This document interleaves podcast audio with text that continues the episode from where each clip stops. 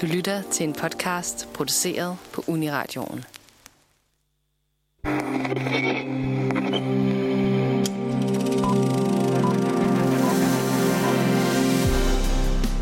Velkommen til Filmmagasinet Svarato i sommeren. Øh, vi sender sommerradio øh, i den her uge, øh, som vi kalder Nosferatu uge 3.0, overtager for Manfred. Og øh, i den her uge, i, i dag, skulle jeg så sige, kommer vi til at snakke om, øh, om queer-repræsentation i film og queer-film, og, øh, og så, så nogle blandede emner op til, øh, til Pride Week.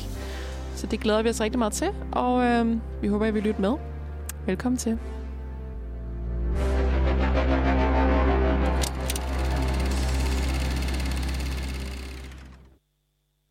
Hej, velkommen til. øh, til vi, vi sender for, øh, jeg overtager for Manfred i den her uge, og en anden uge har vi også gjort det hen over sommeren, øh, og sender morgenradio mandag til fredag. Øh, og vi er Nosferatu, så vi skal følge snak om film. Øh, jeg hedder Lennon, og med mig i studiet har jeg Sofie. Hej. Og Nisotto. Hej.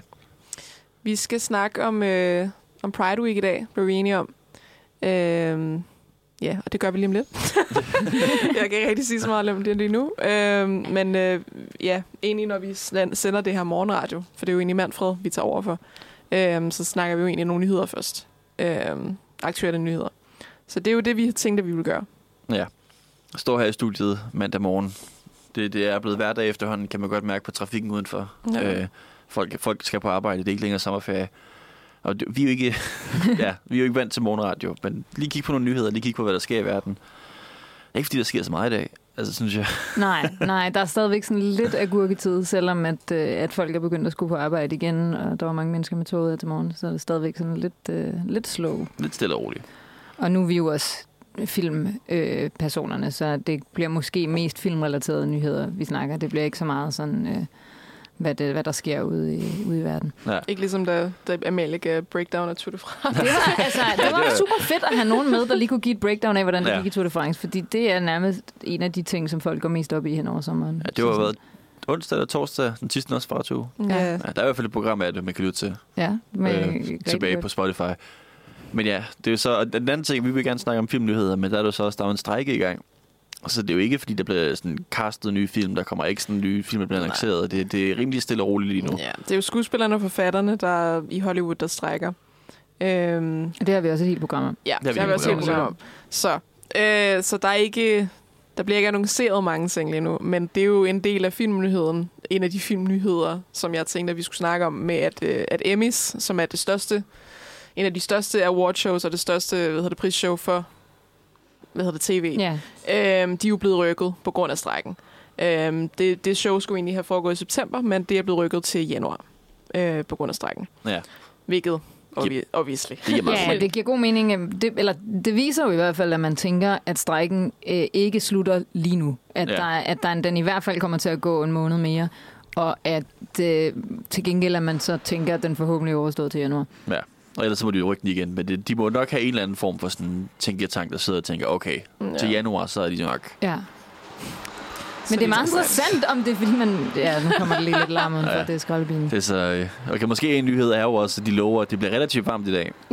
øh, og vi, vi, vi ved jo godt, at det her studie, vi står i her, det kan blive rimelig indelukket, hvis ikke man åbner vinduet. Øh, så vi har besluttet os for, at lige før tid, før det bliver rigtig varmt, fordi vi starter her om morgenen, hvor det er stadig lidt køligt, så har vi haft vinduet åbent for at kunne lufte ud. Men det betyder så, at når de skal være på skrald udenfor, så kan man høre det. Det beklager vi. Ja. Det, det er en del af akustikken. Ja, det er øh, hvad var du ved at sige, Sofie? Inden ja, de dig? det kan jeg ikke huske. øh, jeg blev afbrudt af en skraldbil. Jeg ved, jeg ved det ikke. Noget med Emmys, vil jeg tro. Ja, mm. øh, jamen altså, ja, det er jo hvad hedder det, rykket, fordi studierne er nogle idioter, der ikke har sagt ja. Øh, det eneste studie, der har accepteret kravene, som som forfatterne og skuespillerne er kommet med, det er, øh, det er A24. Så A24, de har lov til at filme for eksempel uh, Priscilla, uh, Sofia Coppolas nye film, ja. om, om Priscilla Presley selvfølgelig. Ja, så hvis man øh, ser ud på nettet, at der er nogen, der filmer, så er det ikke nødvendigvis, fordi folk er skruebrækker, så øh, er det muligvis A24, som simpelthen har sagt ja til, ja. Øh, til skuespillerne og forfatternes krav. Skud til A24. Ja, kæmpe skud ud. Virkelig god stil. Men det er også det er lidt en sjov situation, fordi det er A24, og så tror jeg også, de har givet sådan thumbs up til enkelte andre film, som ikke nødvendigvis er dem. Ja. Og blandt andet så så jeg også, at Flight Risk, som er med Gibsons nye film, har fået tilladelse. Okay. Og det er der, hvor man... Det ved jeg ikke, men det er den nye Den, den nye, nye uh, med Gibson-film med Mark Wahlberg, hvor det også bare sådan, ah, okay, det er jo ikke en film. Men, men det er også der, hvor det er vigtigt at sige, at det der er fedt ved det her, uanset om det er en film, man kan lide, uanset om det er en film, man gider at se, er jo, at det er jo et argument om, om det her, altså, hvor I, øh, forfatterne og skuespillerne siger, vi har brug for det her, og studierne siger, det er ikke muligt. Men hvis man viser, at det er muligt, selv hvis det er med Gibson, hvis man viser, at det kan gøres, og at man godt kan betale skuespillerne det her Ja. medier, og man godt kan øh, sørge for, at forfatterne har de her rettigheder, så st- st- støtter det jo også strækken. Altså Ja, støtter det jo, altså, sådan, vi, det kan faktisk godt betale sig at strække nu, fordi det, de kæmper for, er faktisk overskueligt. Så det er jo ret vigtigt, at de giver tilladelse til selv, selv hvis det er med Gibson, desværre. Men, øh, så og det, Mark Wahlberg, og Mark desværre. Og Mark Wahlberg, det er noget af- Hold kæft, man. noget af hold. et team-up. Ja. Det er så også, at med Gibson, han, han, whatever, nu kommer jeg ind på med Gibson igen, men han skal være med i den nye øh, John Wick spin-off tv-serie, oh, Gud. Continental. Har han en rolle? Okay, han er bare tilbage nu, I guess. Ja. Altså, jeg ved godt, at han lavede en film for et par år siden, men det var sådan, at jeg vidste ikke, at han bare var tilbage tilbage. Men det er jo som regel det, de gør med de der skuespillere, hvor, hvor de er nogle idioter. Så venter Ja. ja. de lige et par år, hvor de lige er stille, og så kommer de tilbage. Så, Nå, nu har vi glemt alt om, at Ja. ja, Ja, du ja. var et fucking røvhul, eller Det er du, du var en voldtægtsmand, og så videre. Ja. Ja. Men desværre har man meget lidt øh, sådan, øh, altså The Public har meget kort hukommelse, så Ja. sådan, det er ligesom da Lars Lykke blev, vel, blev, fik en masse stemmer igen. Det er sådan, folk havde glemt, at manden var ægte korrupt. Altså, Ja, ja. Det, det, vi kan ikke huske det. Det er Nej. lidt længe siden. ja. der sker for meget. ja, Det, præcis. øh, Er Mark Wahlberg den nye Mel Gibson? Ja. Ja, men, Er, er, er det en næste generations Mel Gibson? Mark Wahlberg er bare Mark Wahlberg. ja. Ja, og han er bare lige så forfærdelig, tror jeg. Ja. Det er jo, ja. Der er også mange, der glemmer det om ham, jo. ja, det er rigtigt. Men det var også, han gjorde det for mange år siden. Ja, ja, han var unquote. teenager. Ja, ja. Som om, at jeg gik rundt i mine teenageår og bankede folk, eller hvad? Ja, som om, det, som om det er okay, så, Ja, det er det. som om at man kan nå at blive en helt Har vi anden ikke person. alle som teenager bankede folk, fordi Ja. ja. vi var racistiske? det tror jeg alle sammen, der røvhuller, da vi var teenager. Øh, nej. Ej, måske, bare lige for kontekst. Historien er, at Mark Wahlberg, ja, som teenager, han var ude bank, tror du, vietnamesiske mænd? Han eller sådan bankede to vietnamesiske mænd, Ja. øh, fordi han er racistisk røvhul. Ja, og det var Øh. bare noget, han tilfældigvis gjorde en dag-agtigt. Sådan, Ja, Ja. altså, det, så vidt jeg har læst mig frem til, så var han lidt sådan den type på det tidspunkt. Altså, Ja. gik med nogle venner, som sådan bare var super nederen over for, for folk, der ikke var hvide, og ja. gav folk tæsk en gang imellem. Og sådan. Ja, hængte ud med The Funky Boys. The Funky Boys. Det var hans rapgruppe. Nå, okay. Marky, Marky sådan- Mark and the Funky Boys. Ah, okay. Jeg Det lyder sådan ikke særlig funky. sejt. Nej, det lyder ikke selv sådan. Altså, det lyder meget lidt som nogen, der giver rundt og giver folk tæsk, faktisk. Det lyder som nogen, der får tæsk. Det er Ja. faktisk virkelig ikke cool. Ja, det, ja, det er kontekst, hvis folk har glemt det, fordi det er der mange, der glemmer. Ja. Ja, det, Så- er det så- godt, at vi lige bringer det op igen. Så har han også sagt, at han ville kunne stoppe 9-11 med den hele anden ting. Nå ja, den er, det er også rigtigt. Og det er så også der, hvor at den film, man skal lave med Gibson, hedder Flight Risk. Og jeg er sådan, okay, hvad handler den om? Hvad sker der her? Og det er endelig Mark Wahlberg, der kan vise, at lov han, han, til- han, kunne, han kunne stoppe 9-11. Se, hvad jeg kunne. Ej, hvor Wow. forfærdeligt. Ja. Oha, ja. Nå ja. Øh, men Emmys, det var den nyhed, tror jeg, der var. Ja. Øh, Og så at A24 har, øh, Ja. har sagt ja til øh, fordi den til anime-nomineringer, kravene. de blev annonceret, var det i sidste måned eller forrige måned, eller noget stil. Ja, de har Ja. været- været annonceret i rimelig lang tid, faktisk. Mm, ja. Og Hvor- nu kommer vi til at vente rigtig længe. Hvor jeg tænker, at Succession nok vinder de fleste. Ja, må ikke. Hvilket er irriterende, for at Patrick Pascal han er nomineret for The Last of Us bedste skuespiller. Ja, Men han er op imod tre Succession-skuespillere. er det en I svær don't så. think he's gonna win. Nej. Jeg forstår ikke, hvorfor er folk går mere op og kører over Succession end The Last of Us. Ja, yeah. jeg, ved, jeg tror enten så er man med på hypen, eller så misser man hypen fuldstændig. Ja. Fordi, ja. Ja, jeg, jeg var ikke så meget på Succession, men jeg tror også bare, det er sådan en... Altså, det er sådan en Emmy-serie på en eller anden måde. Ja, Ja. ja, 100 procent. Så det, det, det, er det samme med, at altså Game of Thrones, der bare hver eneste år vandt ja. ja. Emmy selv, når det ikke var en god sæson. Så Ja. det var sådan, nå, de skruer nogle Emmy selv. jeg føler lidt, det er det samme her, hvor det er sådan... Ja. Er den lavet til det? Ja, den Det er er lavet til, sådan- det er sådan en, det er en rigtig slags drama. Ligesom når man snakker om sådan en Oscar-bait-film, sådan en film, der bare virkelig appellerer til Oscar-crowded.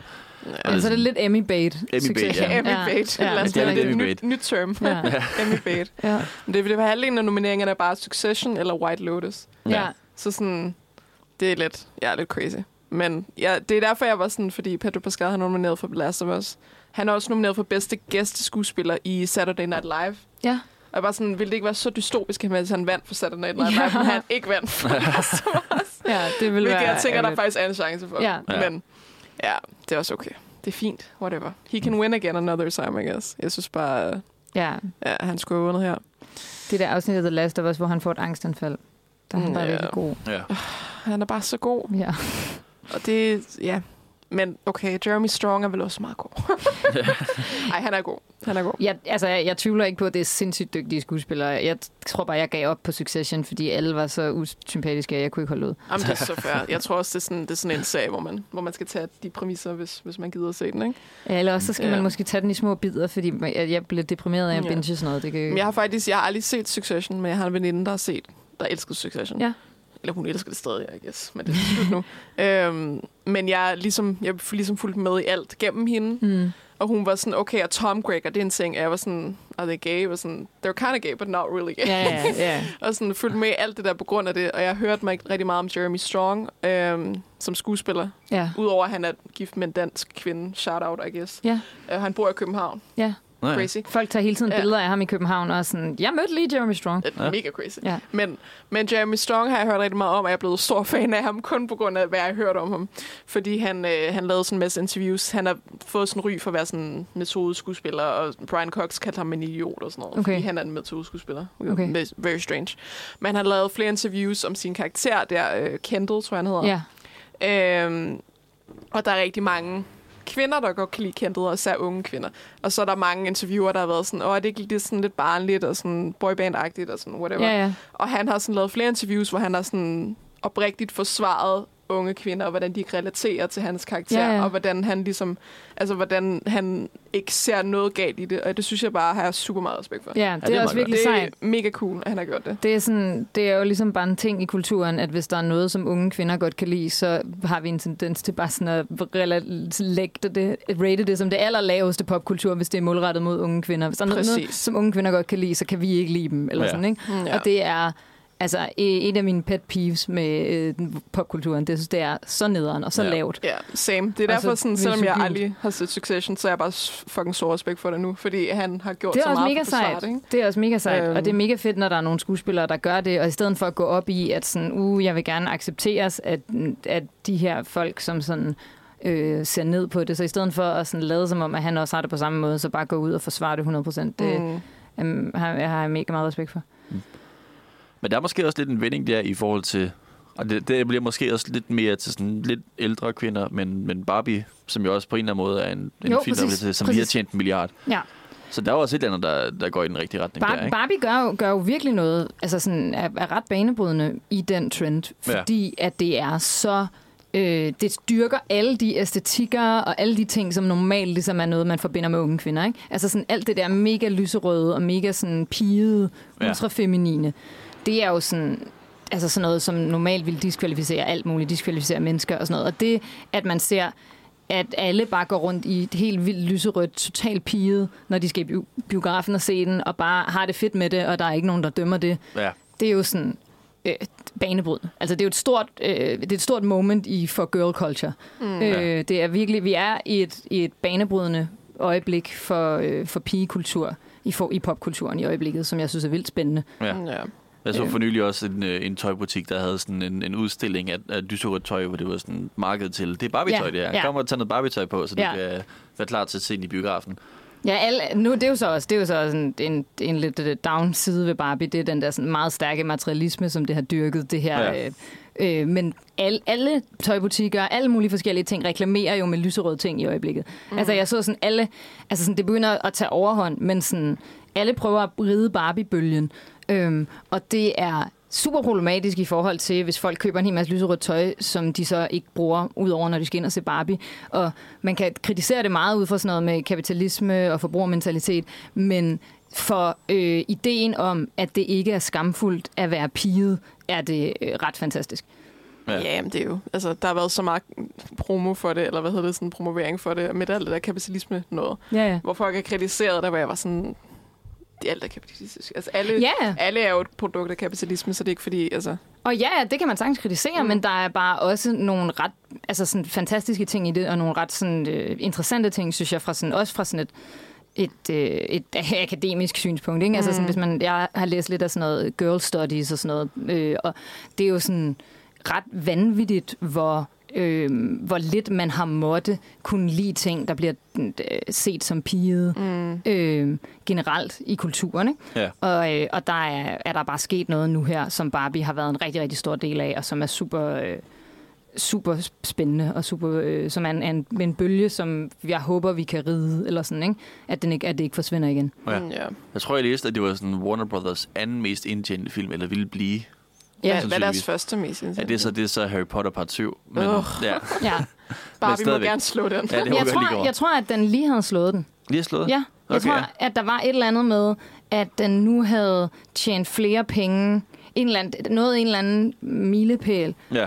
Øh, et, to dage inden, at Harry Potter nåede den milepæl med, Nå, hvor mange okay, penge det- den det har tid, indtjent, ja. eller et eller andet. Ja. Ja, det giver mening, ja. Ja. ja.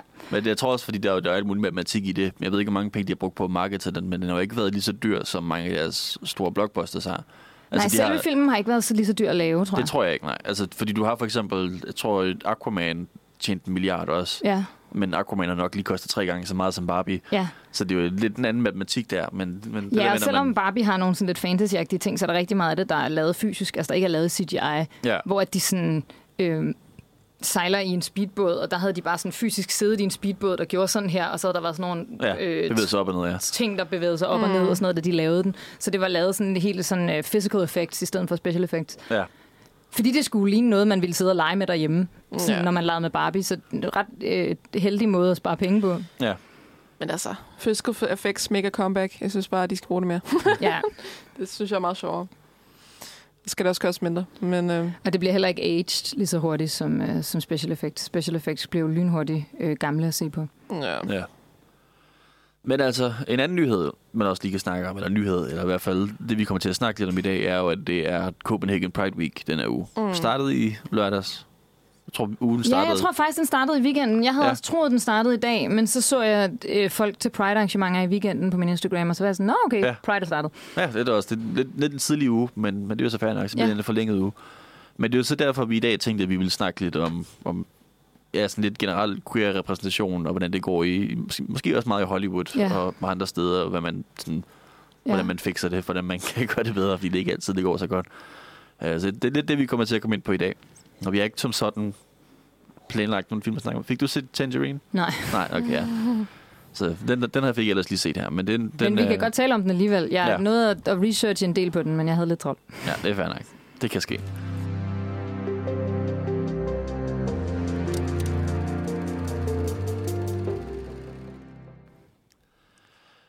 Ja, Så hold lige så stille et øjeblik. Vi kan lige tage, trække vejret dybt ind. Ja. Det er også fordi, at selvom at vi kører det her sådan lidt stille og roligt, og det bliver ikke de dybe analyser, vi kommer ind på nu, når vi laver sommerradio, så er sådan noget her med, med pride og queer-repræsentation jo noget, hvor man Ja, altså hvor at vi, vi gerne vil sådan, tage det alvorligt, ikke? og vi vil gerne tale om det sådan, med en vis øh, respekt, eller sådan, ikke? ja. Og det er lige det der med at prikke hul i den, hvordan vi kommer i gang, som Ja. jeg lige blev i tvivl om. Ja, men altså, sekunder. Jeg tænker, noget af det, som, som vi jo har, der er blevet talt meget om, det er, at man i mange, mange år ikke havde særlig mange film med queer-personer i hovedrollerne. Det var meget sådan nogle biroller, som ligesom var der for, var meget karikeret. Og noget af det, vi lige snakkede om off-air, var, at, der, at det er begyndt at... Altså selvfølgelig, det ved vi jo alle sammen godt, at det er begyndt at ændre sig, ikke? Ja, En lille smule. en lille smule.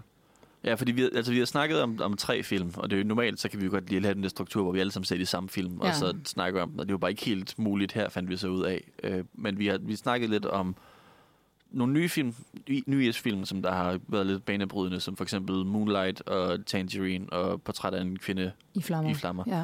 som er sådan tre, alt sammen relativt nye. Jeg tror, Moonlight var 16-17. ja. Moonlight var 16.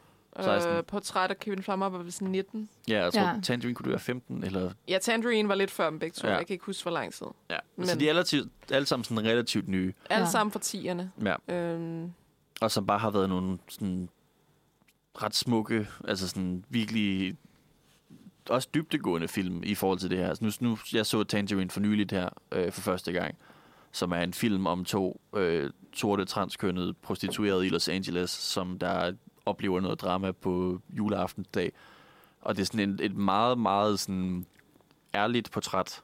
Ja. Øh, og, og virkelig sådan, okay, vi, vi følger dem, og vi ser, hvad deres dag er, og de sidder og snakker om, om deres, hvad siger man på dansk, Tra- transition, Tra- Ja. altså det, man oplever som transkønnet og sådan ting, samtidig med, at de så ja, både oplever det gode og det dårlige i den her verden, og, og det er virkelig sådan en, altså et meget, meget rå og, og smart film. Altså, den er filmet på iPhones, og den hele er sådan... Altså, Den meget, er filmet på iPhone. den er filmet på iPhone, Nej, ikke filmet på iPhone 5S. Okay, Øh, sindssygt. Altså ikke engang en god iPhone. Øh, og, sådan, og meget spontant og meget, sådan, meget filmisk, men også meget grim at se på. Altså, Ja, sådan, I forhold ja. til billedet netop, fordi den er filmet på en iPhone. På en iPhone 5S. Ja, kameraet ja, er elendigt på en iPhone 5S. Og det, det er sådan en, altså, det er en virkelig, virkelig god filmoplevelse. Den ligger på filmstriben. Øh, jeg kan virkelig anbefale den, fordi det er sådan en, hvor man virkelig... Og en af de ting, jeg rigtig godt kunne lide ved den, var, at man netop følger de her... Øh, altså ikke bare transkønnet, men transkønnet prostitueret, som også er en, en kæmpe intersektionelle ting. Det der med, at, Ja. at særligt øh, transkønnede personer, som har, hvad siger man, som ikke er hvide, ofte ja. ender i prostitution. Så det er ja. også Ja. det, det, den snakker om, og det er det, som øh, instruktøren Sean Baker har lavet mange film om, ja. Er i virkeligheden sådan sexarbejde. Han har også lavet for nylig Red Rocket, som også handler om prostitution, og det jeg tror det er det, han lidt fordyber sig i. ja. Han, Øhm, han har fordybet sig generelt meget i, øh, i dem, der, le, der lever i de, i de, hvad hedder det, hedder det lave lag af samfundet? ja, eller, ja, sådan Ja. helt de fattige. fattige og, lag af samfundet. ja. Ja, Øhm, og Tangerine og Moonlight og Portræt af en kvinde i flammer er jo alle ja, queer drama, dramaer, som er ret banebrydende for hver deres del af queer communityet, kan man måske sige. Og Moonlight, også hver deres genre i virkeligheden. ja, Moonlight blev nomineret til, til et par Oscars. Jeg kan ikke huske, hvad den vandt. ja den vandt, Den vandt vel bedste film, ikke? Den vandt bedste film, var det ikke ja. der, Jo. hvor at, Ja, at ja, ja, de skulle- alt ja, det der ja. var dumt? Med La La Land-skandalen. Ja, Ja, ja. ja. Fucking irriterende. Øhm, altså, de fik ikke lov til at holde en tale. nej, Fik de ikke lov øh, til at holde en tale på grund af Nej, tiden, jeg, eller jeg hvad? tror, ja, det var et, var et Ja. virkelig drama. Ja, fordi de, de, de annoncerede La La Land, som det var Moonlight, der havde vundet. Ja. Ja. ja. vi havde givet, jeg, oh, hvem var det nu, det var, men det var sådan nogle gamle værter, der kom og skulle præsentere det, sådan nogle ikke de gamle skuespillere, og så havde de givet dem, jeg tror, øh, Bedste Em- skuespiller, eller bedste spiller, Sto- skuespillerinde. Emma Ja. Stone, whatever, og så stod der bare sådan Emma Stone, La La Land. Og så er de sådan, hvad skal vi sige? Fordi der står ikke nogen film på den her. Ja. Så, La La Så Land, guess. læste de bare den film, der stod på kortet. Ja. Ja. Ja. Fuck you, Jimmy Kimmel. øh, ja, Moonlight var en bedste film. Moonlight, øh, jeg tudede, da jeg så den biografen. Den, er, den handler jo som om en ung, queer, sort dreng, og hans liv, og han vokser op, og der er det op i tre kapitler, da han er barn og teenager og voksen. ja. Øh, hans forhold med hans mor, øh, som er ret toxic, ret meget øh, alkoholmisbrug. Øh, ja, og han, hvordan han vokser op som en, en queer dreng i et samfund, som ikke, ikke rigtig accepterer det. Ja. Øh, hvor han jo, ja, han bliver kaldt diverse slurs og sådan Ja, ja. noget. Øh, så den, ja, den er virkelig, øh, virkelig rørende. Øh, og de er jo alle sammen rørende på hver deres måde. Og Portræt af en kvinde flammer er jo også, det er jo så et, et period piece, eller period drama, kan man jo sige. ja, det er, det er en Øhm, fransk film, det er ikke en Hollywood-film. Nej, det er en fransk film, så den blev så heller ikke nomineret til nogle Oscars, desværre. Den var ikke med Nå, i var det ikke, er det ikke instrueret af en nordmand? Nej, det er Celine Sciamma. Nå, gud, okay. Så, øh, nej, jeg fikser den med Thelma, tror jeg. Åh, oh, okay. Ja, i mit hoved, så var de bare Okay. blevet... Ja. Ja. Thelma er også en god film. Ja, det er men det, det er. Joachim Trier. Jeg tror, det var Ja. ham, som jeg troede... Ja. Ja, whatever. Det er også en god queer film. det, det, det er lidt mere noget thriller, faktisk. ja, det tror jeg, ja. Men, men en kvinde i flammer, det er øh, period piece, eller period drama, øh, som handler om... Hvad handler det om? Det handler om en maler, som kommer og skal male et billede, et portræt af en kvinde, inden hun skal giftes. Mm. Fordi Ja. ja. mand, hendes udkårne skal ligesom...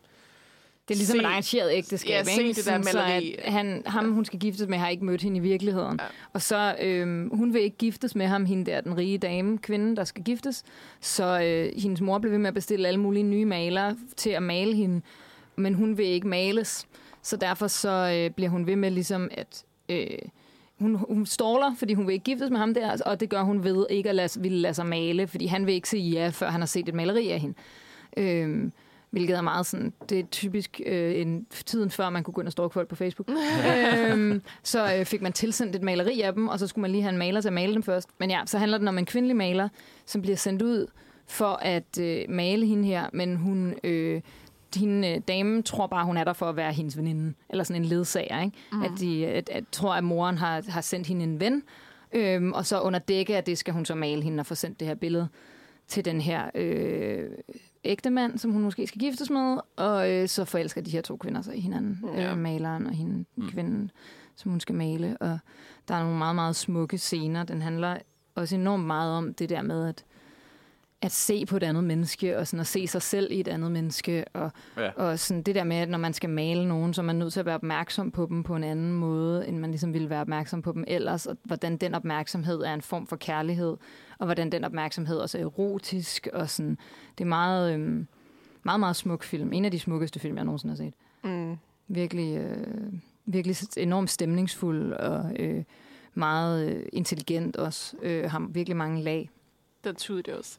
ja, det gør jeg virkelig også. Det gør jeg virkelig også. Det er jo, ja, det er også, altså Celine Skerma, som jeg nævnte her, instruktøren, hun er altså jo også, hendes, hun er kendt for, eller hendes kendetegn er jo, hun laver film generelt om kvinder og piger, og øh, om queer-kærlighed, og, og unge kvinder, der vokser op, og sådan noget, som, som queer. Øh, så det handler også rigtig meget om, om at være kvinde, og der er også en, en, en kvinde i filmen, som, som har, skal have en abort, og sådan noget. Så Ja. det handler også Ja. om, En tjenestepige. om, ja, om moderskab, og, og ja, og retten til at vælge, og til at vælge at bestemme over sit eget liv. Ja, sin øh, egen Øh, krop, ikke? Fordi ja. der, er også en, der er også noget med kropslighed, altså sådan i den, den måde, den tematiserer blikket på det der med, at kvinder er vant til at blive ki- set på af mænd, at alle de tidligere malere, der har skulle male hende, har været mænd, og det der med at være en kvinde, der bliver set på af en mand, den sådan reduktion, der ligger i blikket, øhm, og de taler meget om sådan myten øh, om... Øh, Åh, den der myte, hvor han vender sig, han, han, Nå, han, øh, ja. han skal have Ud- hende med Nå. ud af den der græske myte, hvor han skal have sin kæreste med op fra dødsriget, Ja, og så hedder. vender han sig om og kigger på hende, og så bliver hun til sten. For han, han må bare ikke kigge, han, behøver ikke, han skal bare lade være med at kigge på hende hele vejen op gennem dødsriget, så kan han få hende igen, ja. efter hun er død. Men han kan ikke lade være med at se på hende. Og den der reduktion, der er i, at det er vigtigere for ham at se, hvordan hun ser ud, end at fysisk have hende, eller ægte have hende hos sig. Men den, den genvender de jo også, eller hun, Celine Skerma, hun, øh, hvad hedder det, hun, en, hvad hedder det, hun tolker den jo på en anden måde i filmen. Nej, hun tolker den netop Ja. sådan, at, at den, den øh, bevægelse, når det er en mand, der kigger på en kvinde, er en reduktion, men når det, at der, der er noget, der sker, når det er en kvinde, der kigger på en kvinde. Ja, men de snakker jo også om, da de snakker om, de snakker om historien i, i filmen, Ja. og diskuterer, hvorfor han kiggede tilbage, selvom Ja. han vidste, at han ville få hende tilbage. Ja. Ja. for der er mange forskellige læsninger Ja, i den Der er historie. en- enormt hvor, mange øh, læsninger. hvor hende Ja. her, den rige kvinde, hun, hun, hun siger jo sådan, om han kig, om hun jo som sagde, at at, at, han, han, at valget at kigge på hende var, fordi han, han vidste, at han ikke ville kunne få hende helt tilbage. Og så ville han hellere kigge på hende en sidste gang og sige farvel. ja. Og det gør hende, maleren jo også. Hun kigger på, tilbage på hende, kvinden, Ja. en sidste gang, inden hun forlader hende for altid. Uh. Øhm, så det er også, ja. Det er meget øh, Ja. øh, voldsomt. ja. Det er Men det, meget- det er så også, fordi nu igen, ja, i mit hoved, så jeg troede, det var Joachim Trier, så jeg sad lige læst op på hende. Men Celine Sciamma er jo også åbent lesbisk. Ja. Og en af de ting, som jeg havde tænkt over, det jeg stadig troede, det var Joachim Trier, er det der med, at det var meget mænd, der lavede film omkring queer-identiteter, hvilket jeg også synes er lidt sjovt i forhold til Sean Baker og Barry Jenkins. Og jeg ved ikke, altså nu kan jeg jo ikke som sådan spekulere Barry Jenkins, der lavede Moonlight. Øh, men han er i hvert fald gift med en kvinde. Mm-hmm. Og den kan stadig godt være biseksuel, der kan Ja, stadig ja. godt være masser der, Ja. ja. men, men der er et eller andet i os, altså, og det er jo ikke engang, fordi det, det, det kan sagtens skabe nogle rigtig gode film, altså også Park Chan-wook lavede Handmaiden, som er også en virkelig god film Mm. med en rigtig flot ja, øh, lesbisk forhold. Ja, Øh, så, men bare det der med, at Han har jo så også snakket med... Altså, han har haft hjælp fra, fra lesbiske kvinder, der har skrevet Ja, om ja. ja. det er det. Og det er også og det, er det, der er lidt svært, fordi at, altså, det er jo nogle rigtig gode film, og det er nogle rigtig flotte film, Mm. og meget følelsesladet, og virkelig veludført. Men, og det er også altså, igen en af de ting, som der føles meget autentisk ved øh, Tangerine, og den måde, de snakker på, hvor I nærmest føles som om, at de skuespillere, de transkønnede skuespillere, der foran kamera, nærmest selv har fået lov til at skrive manuskriptet, fordi ja. dialogen virker så meget som noget, de bare vil sige. ja. Det er svært at forestille sig, at en ciskønnet mand vil sidde her og skrive den dialog naturtro på den måde, den er. ja. Øhm, men at det stadigvæk er, fordi at en stor ting, som der... Øh, en- en stor ting inden for queer-repræsentation, som i hvert fald ofte mangler, er jo det der med, at det rent faktisk er queer-personer, der bliver repræsenteret. Ikke bare netop, at der er en queer-karakter, der dukker op, men at der er en stemme bag, som der rent faktisk har noget at sige, som der har noget erfaring. ja. Mhm. Og det er lidt sjovt, at, altså, fordi det er stadigvæk gode film, og det er stadig film, man godt kan få noget ud af, men at det stadigvæk er øh, måske heteroseksuelle mænd. Igen, det, det er kun spekulation, men, Men er som det der ikke står også heteroseksuelle, der lavede Brokeback Mountain, egentlig? Jo, jo, det må det jo også være. Jeg ved ikke, om der skrev. Det er vist baseret på en bog. Det er baseret, baseret på en på en novelle. Novelle, Nu ja. på en novelle, som ikke er, slet ikke er lige så lang. Altså, den er ikke særlig, jeg har Nej, læst okay. novellen, og den er, ikke, den er slet ikke særlig lang. Så sådan, filmen er virkelig udbygget. Altså, det er en ret lang film i forhold til, at novellen ikke er mere end 20 sider eller sådan Ja. noget. Øhm, men øhm, Altså, det er jo, ja. Altså, jeg, jeg tror, det er en meget sådan diskussion, der kommer til at gå, fordi Brokeback Mountain, det er jo Ang, Ang Lee, der har lavet den. Øh, og det er jo også to, så vidt vi ved, Ja, ja, man kan- man kan kun mænd, der straight har, spekulere. mænd, der straight mænd, der har spillet det. Ja. Øhm, så kan man jo så sige, en af de grunde til, at jeg rigtig, havde rigtig meget respekt for Heath Ledger, det har jeg stadig, han har ikke ja, noget ja. galt, ja, ja. øh, rest in peace, at han, han var meget passioneret om at forsvare det rigtig meget, fordi på den tid var der rigtig mange, der, der, der ikke kunne lide det. Ja. Øh, Ja, det er der jo og stadig der ikke nu, men altså, det var rigtig meget ramaskrig, især fordi Brokeback Mountain havde jo den geniale promoveringstaktik, at de alle plakaterne var bare dem med deres koner, som om det var en straight film. Så Nå, det så var man faktisk vidste ikke- straight baiting. Så man vidste faktisk ikke, inden man gik ind og så filmen, at det, det er jo mere Ja. end noget som helst andet end en kærlighedshistorie mellem Ja, det var bare Ja. sådan Brokeback Mountain, så var det sådan Jake Gyllenhaal og Anne Hathaway på plakaten. Ja, det, det er. Det er griner. Det var sådan, that's fucking genius. Det er Øhm, virkelig fedt Men, fundet på. det- men det er også, altså, der var også den situation, fordi det du snakker om i Heath Ledger, der virkelig øh, kæmpede for det og stod mm. på det. det, det jeg også husker, jeg så eller læste et interview med Jake Gyllenhaal, som er den anden skuespiller der med, hvor han snakkede om, jeg tror, de blev inviteret på sådan Saturday Night Live til at lave en eller anden parodi af det, og Jake Gyllenhaal var sådan, ja, fair nok på det, men det er jo bare, vi skal lave en promovering, hvor Heath Ledger bare var sådan, nej, Vi skal ikke lave sjov med ja, det vi her. skal, det er ikke sjovt det her. Ja. Altså, det, vi skal tage det alvorligt. Og Ja. det jo tog lang tid for Jake Gyllenhaal at forstå det, men Ja. han så bagefter havde meget respekt for Heath Ledger, fordi Ja. han med det samme bare var sådan, nej, det er ikke, det er ikke en joke, det her. Men Det er Ja. den historie, der er gået meget igen, og jeg har, jeg har mine grunde til ikke at kunne lide Jake Jake Gyllenhaal. Ja. Men, øh, men han har jo han har snakket meget om det der med, at, at Heath Ledger, han var meget vokal om, det skal vi ikke lave sjov med det her. Ja. Hvor Jake Gyllenhaal var sådan, han Nå, var sådan, åh, det var en joke, det er fint. Ja, Ja, nu er han sådan, okay, jeg kan godt se, hvad det var, han mente. Ja. Ikke? Og at også, at der var jo de her presseture her, hvor, øhm, hvor nogen havde spurgt sådan Heath Ledger, sådan, og vi vil ikke se mænd kysse, bla bla bla, så lad være med at se den, for det er, Ja, ikke, det er ikke en film lavet til dig. Nej. Ja. Så, han, og han var sådan, jeg er faktisk ligeglad med, om du ser den, Ja, ja. fordi I'm not making it for you. ja. Så sådan, det, det er, det er, jeg tror, at jeg, det er sådan, nu er det jo, kommer vi jo ind på hele den der diskussion med, med queer, skues, queer karakterspillet, ikke queer mennesker og film. Hvornår er den er lavet- fra? Den er fra 2005, tror jeg. Ja. Ja, det er da rimelig... Og Ja. film lavet af ikke queer mennesker, hvilket er, ja, en samtale, som man nok kan fortsætte i rigtig lang Som er svær, som er super svær. Øhm, Ja, det, det Ja. er en, en rigtig svær en, og jeg tror, altså, der er utrolig mange nuancer i det. Jeg tror bare, det er vigtigt at have en eller anden form for stemme, som rent faktisk kommer fra. altså, nu, Altså- nu sidder vi jo og snakker om det. Jeg vil jo nok sige, jeg vil hellere, altså jeg, jeg, synes, jeg synes, det er vigtigt at have queer folk, der skriver manuskripter, der laver instru- Ja. ja. instruerer. Ja. Jeg synes, det er knap så vigtigt, om skuespillerne er queer. Det, det tænker jeg også lidt. Altså, Fordi, det, og det, det kommer vi så længere ind i, når vi snakker om versus transkønnet, for der Ja. er en helt anden holdning. Ja. Men i forhold til, queer, til skuespillere, der spiller queer-roller, øhm, der synes jeg ikke, det er en særlig vigtig ting. Især fordi jeg har set, nu er det så ikke en skuespiller, det er en bog. Øhm, hvad hedder det? Men jeg guess, I guess samme ting gælder vel. Øh, forfatteren af den sprog, der hedder Simon vs. The Homo Sapiens Agenda. Det er en film, der er blevet til Love Simon sidenhen. Mm. Nå. Øhm, som er sådan virkelig sød, øh, queer, romcom, totalt cheesy, cringe, og det, det vil vi også gerne have. Øhm, forfatteren er en kvinde, og så var der rigtig mange, der sagde sådan, og du fetishiser gay mænd, fordi du har skrevet om den her, bla bla bla. Og de pressede, altså de, altså de, mm, de steder mobbede hende med det i så mange år, at hun er faktisk blev tvunget til at komme ud som biseksuel, Ja. fordi at hun havde været inde i skabet. Ja, ja. Øhm, ja. så det er, jo, det er jo netop den problematik, som jeg er bange for, hvis, hvis folk siger, at det kun skal være queer skuespillere, Ja. ja. der spiller queer-roller. Men Fordi det så presser de jo du folk Ja, ja, ud i noget, som de ikke vil, sige, de ikke vil tage stilling, Ja. ja. måske ikke vil tage stilling til, eller ikke er komfortabel med. Men det også- skete også for nylig, gjorde det ikke? Altså på en eller anden Netflix-serie, den der, øh, var det den der Heartstopper, tror jeg? Hvor Nå, at, ja, Nick, øh, ja, Ham, øh, øh, ikke Nick, han hedder ikke Nick i virkeligheden. øh, Kit Connor. ja, Øh, ja, som Det- simpelthen blev altså, presset, fordi at, Ja. at internettet var sådan, du kan ikke tillade dig at spille den her rolle som en mand, der er forelsket i en anden mand, eller en dreng, der er forelsket i en anden dreng, er det jo, fordi men de, det var de så, øh, teenager. det var lige præcis det, jeg, kom, jeg skulle have tænkt på. Ja. Ja. Det var totalt grotesk, fordi øh, han spiller Nick Nelson i den her Heartstopper. Heartstopper er sådan en virkelig god serie. Øh, Om han- queer kærlighed også. Ja, og Nick Nelson er en biseksuel dreng, og han er forelsket i en homoseksuel dreng. Og så, øh, og så så folk jo Kit Connor, han gik med sin kæreste, som Som var pige. pige. Og så var de sådan, om så kan du ikke spille den her, hvilket fucking bullshit, fordi han spillede biseksuel. Og så Ja, var han sådan, blev han til sidst er nødt til at komme ud som biseksuel også.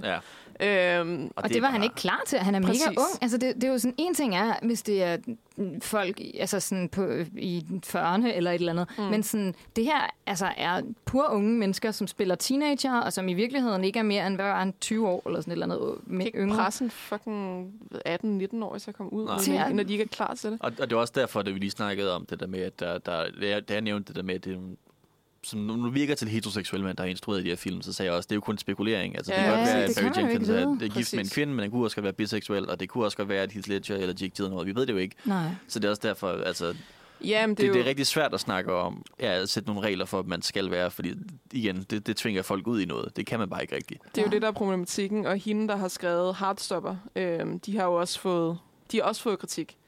Selvom de faktisk er åbent queer og Ja. åbent non-binær. Ja. Hvilket også er bullshit, fordi folk ikke just stupid.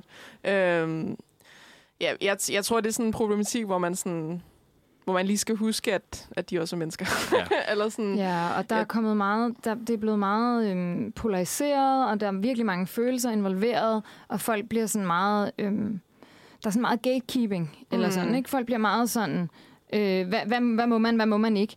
Fordi at ting i virkeligheden, fordi det jo hele jo er sådan lidt, vi famler lidt i blinde lige nu. Ja. Altså sådan queer repræsentation, altså sådan på, i den skala, som vi, vi gør det nu, er jo mere eller mindre nyt. Og Ja. i hvert fald altså sådan på den måde, vi prøver at gøre det nu, og vi prøver alle sammen at gøre det på den mest respektfulde måde. Men det er jo en, en, en svær diskussion, hvad der er det mest respektfulde. Og hvis man selv sidder derhjemme og har synes det var mega svært at være queer, og så ser nogen skrive om queers, som ikke selv er queer, og så tænker man, det, må man godt det, eller et eller andet, ikke? Altså Ja. sådan, og så bliver det for, der er så mange følelser involveret, og det er Ja. så, sådan, jeg vil, ikke, jeg vil virkelig ikke dømme nogen, men nogle gange så, det vigtige er jo, at vi har samtale. Det vigtige er, at vi taler om, hvad der er okay. Ja. Og så kan Ja. vi måske snakke om det og blive enige om det i fællesskab, og folk, der, der har nogle ting, som de synes er svære, kan sige, har I lyst til at tage det her hensyn til mig? Og det vil man jo gerne. Altså tage et hensyn også på et større plan, når det handler om film og f- handler om repræsentation, men man er nødt til ligesom at... Altså, Ja, jeg tror også nogle gange, at folk glemmer, at, at der er nuancer i ting. Og det Ja. hele Ja. ikke er bare sort-hvidt. Præcis. Og sådan, Og det er så også, fordi det hele er jo vokset op samtidig. Altså den moderne queer-kultur er vokset Altså, op sammen det er med sådan- cancel culture, som jo også er... det, det betyder Jamen, jo det- ikke, at alle, at alle, som vi tror er straight måske, at alle, der skriver queer film, som måske er straight, det ved vi ikke, at, at det er dårligt. Altså sådan det, jeg tror, folk glemmer, at jeg tror, folk er, har, er, vil, vil så gerne have et regelsæt. De vil gerne have, alt det her det er rigtigt, Ja. alt det her er forkert. ja. Og der kan, ikke, der kan ikke være et tilfælde, hvor noget skal tolkes på forskellige måder. Og det er, der, det er det, jeg tror, der skader diskussionen, fordi, ja. fordi især på grund af det der med, at så tvinger vi folk til at komme ud, og der er faktisk også nogle tilsyneladende straight mennesker, som godt kan instruere gode queer-film, fordi de har manuskriptforfattere, som er queer, og de har haft ja. samtaler om det queer community, og de har familie, de respekterer, som er queer og sådan noget. Så jeg, jeg tror, jeg tror, ja, jeg, jeg ved ikke, jeg, jeg tror bare, det er sådan, det, jeg tror, folk glemmer, at, at Ja. alt ikke er sort-hvidt hele tiden. Ja. Det ville også Og være meget det- nemmere jo. Ja. Altså, wow, hvor ville, hvor ville livet bare være Det ville- nemt, hvis det der var et fast mega regelsæt, hvor man vidste præcis, det her er okay, og det her er ikke okay. Det er det, og det er mega, og det er mega irriterende, at, det, Ja, at, der, præcis. at der ikke er noget regelsæt. Det er Ja. ja. Jeg forstår det godt, det er mega frustrerende, ja. men jeg tror, folk bliver nødt til at huske det. At Ja. ja. sådan er det, fordi sådan er fucking livet. Det er, Altså, så, det er så pisse nuanceret og besværligt alt Ja. sammen. Det er jo ligesom øh, Ruth Handler siger til Barbie i slutningen af Barbie, ikke? at, at øh, det at være menneske, det er øh, både rigtig forfærdeligt og rigtig, rigtig fedt, og alle Ja. ja. mulige forskellige ting, og ikke så, slet ikke lige så simpelt som at bo i Barbieland. Nej. Og, øh, vi skal bare have en Barbie-reference. ja, undskyld. Jamen, det, Ja. jeg Den er også blevet cancelled for at være too woke, fordi det var noget med, at det, der er nogle lande, hvor den ikke må komme ud i, fordi de sagde, at den promoverede homoseksualitet. Og der er jo ikke homoseksualitet Der er ikke med i nogen den. homoseksuelle med. Ej, It's promoting homosexuality. Men altså- It's, it hates men. Ja. men folk prøver jo Og der er bare... selvfølgelig der er de der to sådan, gay-coded uh, kens. De Ja. ældre kens. Det er måske Ja, det eneste sådan... Ja, Ja, ja, Sugar Daddy sådan. Sugar ja. Sugar Daddy Ken og lille Magic hund. Earring kan. Ja, Ja. altså bare sådan lige med en enkelt scene, men det er jo bare... Ja. Men, det, men det, er, det er jo også sådan, altså folk har også bare let efter en undskyldning for at, at cancele Barbie, ikke? Ja. og, Ja, det, er det, og det der med, det, det er meget interessant det der nu, når vi snakker om queerness, hvordan at nogle film bliver cancelled for queerness, og så tænker jeg, "Nå, men så må der være virkelig meget queerness i. For eksempel øh, Skønheden og Udyret, di, di, Disneys remake, der var det sådan, der var, havde, havde jeg læst et eller andet sted, at der var nogle steder, hvor den var blevet cancelled på grund af queerness. Og så var der bare intet queerness i den. Altså, der er en scene, hvor er ham der... Øh, Åh, hvad hedder han? Le Fou? Gastons... Ja, præcis. Nå, ja, ja. Le Fou, Gastons lille ven fyr der øh, ger, øh, lægger ind på en anden mand. Altså sådan, det bliver gjort åbenlyst, at han måske har været lidt forelsket i Gaston, og det er derfor, han render i røven på ham hele tiden. Hvilket giver meget bedre mening end i tegnefilmen, hvor man er sådan, hvorfor fuck finder han sig i Gaston? Ja. ja. Men det er så måske også... Nå, sorry. Men det er bare sådan en scene, en virkelig kort klip, hvor han danser med en mand, og så er det videre. Og så var det sådan, nå okay. Ja. Altså, Men det er så også en ret god segue til et andet emne, vi også snakket om at snakke om, som er det her med regnbuekapitalisme, sådan. Disneys første homoseksuelle karakter. Mm. Og hvor mange gange, at Disney lige introducerer sådan, nej, nu, nu har vi den første homoseksuelle karakter, og så er det Ja. Nu En scene, hvor de danser. Ja, en scene i baggrunden. Ja. Som Ja. jo er en, en kæmpe ting. Og det er jo der, hvor vi er nu også, i forhold til Copenhagen Pride Week, at det hele er sponsoreret af det ene og det andet, og det tredje kapitalistiske firma. ja. Og det er jo sådan, at det føles meget sjovfuldt og forkert. Og det er sådan en, for mig er det en blandet pose, fordi det er jo også sådan, at jeg vil jo hellere have, at, at det er så normalt og så normalt at støtte op om at være queer eller være queer, at de kapitalistiske firmaer hellere vil prøve at appellere til det, end de vil appellere til den anden side. Ja, ja. Fordi der har jo været tidspunkter, hvor i alle de her film ikke inkluderet en enkelt homoseksuel karakter i baggrunden, men de inkluderede en enkelt transfobisk joke, for eksempel. Ja. Og det, er det er jo måske 20 år siden, altså det er ikke så lang tid siden. Så det med, at vi bevæger os i den retning, er jo egentlig en god ting. Ja. Men hold da kæft, var jeg også bare træt af Disney, som der ikke rigtig turde gøre det, men alligevel Ja. gerne vil have ros for at gøre det. Ja, og så Altså bliver ved med at sige, at de gør det, og så bare ikke rigtig Ja. gør det. Altså, Det- det... Jeg, og det er jo også det, vi har talt om lidt off mic med queerbaiting, at det bliver sådan en ting, hvor det er sådan, der bliver sagt sådan, nu gør vi noget queer, og så er det ikke rigtig queer alligevel. Ja. Det, det er frustrerende, når, når, ja, når firmaer og studier, når, når folk gerne vil, de vil gerne have det publikum, men de, de gider ikke gøre ja. an actual effort i at, i at lave noget, som, ja, som De tør ikke miste det publikum, der så er mega homofobiske. Og så er man sådan, Ja. okay, men hvis du er mega homofobisk eller queerfobisk, hvorfor vil Disney så overhovedet have dig med? Ja, Ja. ja. Det, er jo, Altså, det er jo præcis Disneys, altså det er jo præcis det, og derfor Disney er nogle røghuller, fordi Ja. ja. Disney, de, de er jo også de, er jo de største studier i verden. De vil ikke miste noget publikum, så de vil gerne have alle. Og det er jo derfor, de ikke...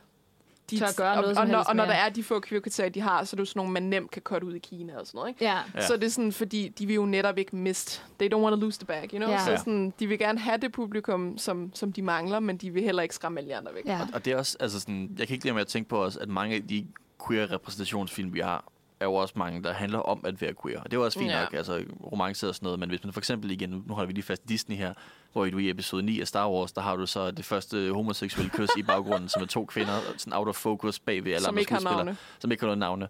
Og det, og det er så deres ting. Og sådan, samtidig med, så havde der, havde der siden episode 7 bare været sådan en kæmpe kampagne for, at Finn og Poe skulle være et forhold Ja, sammen. ja.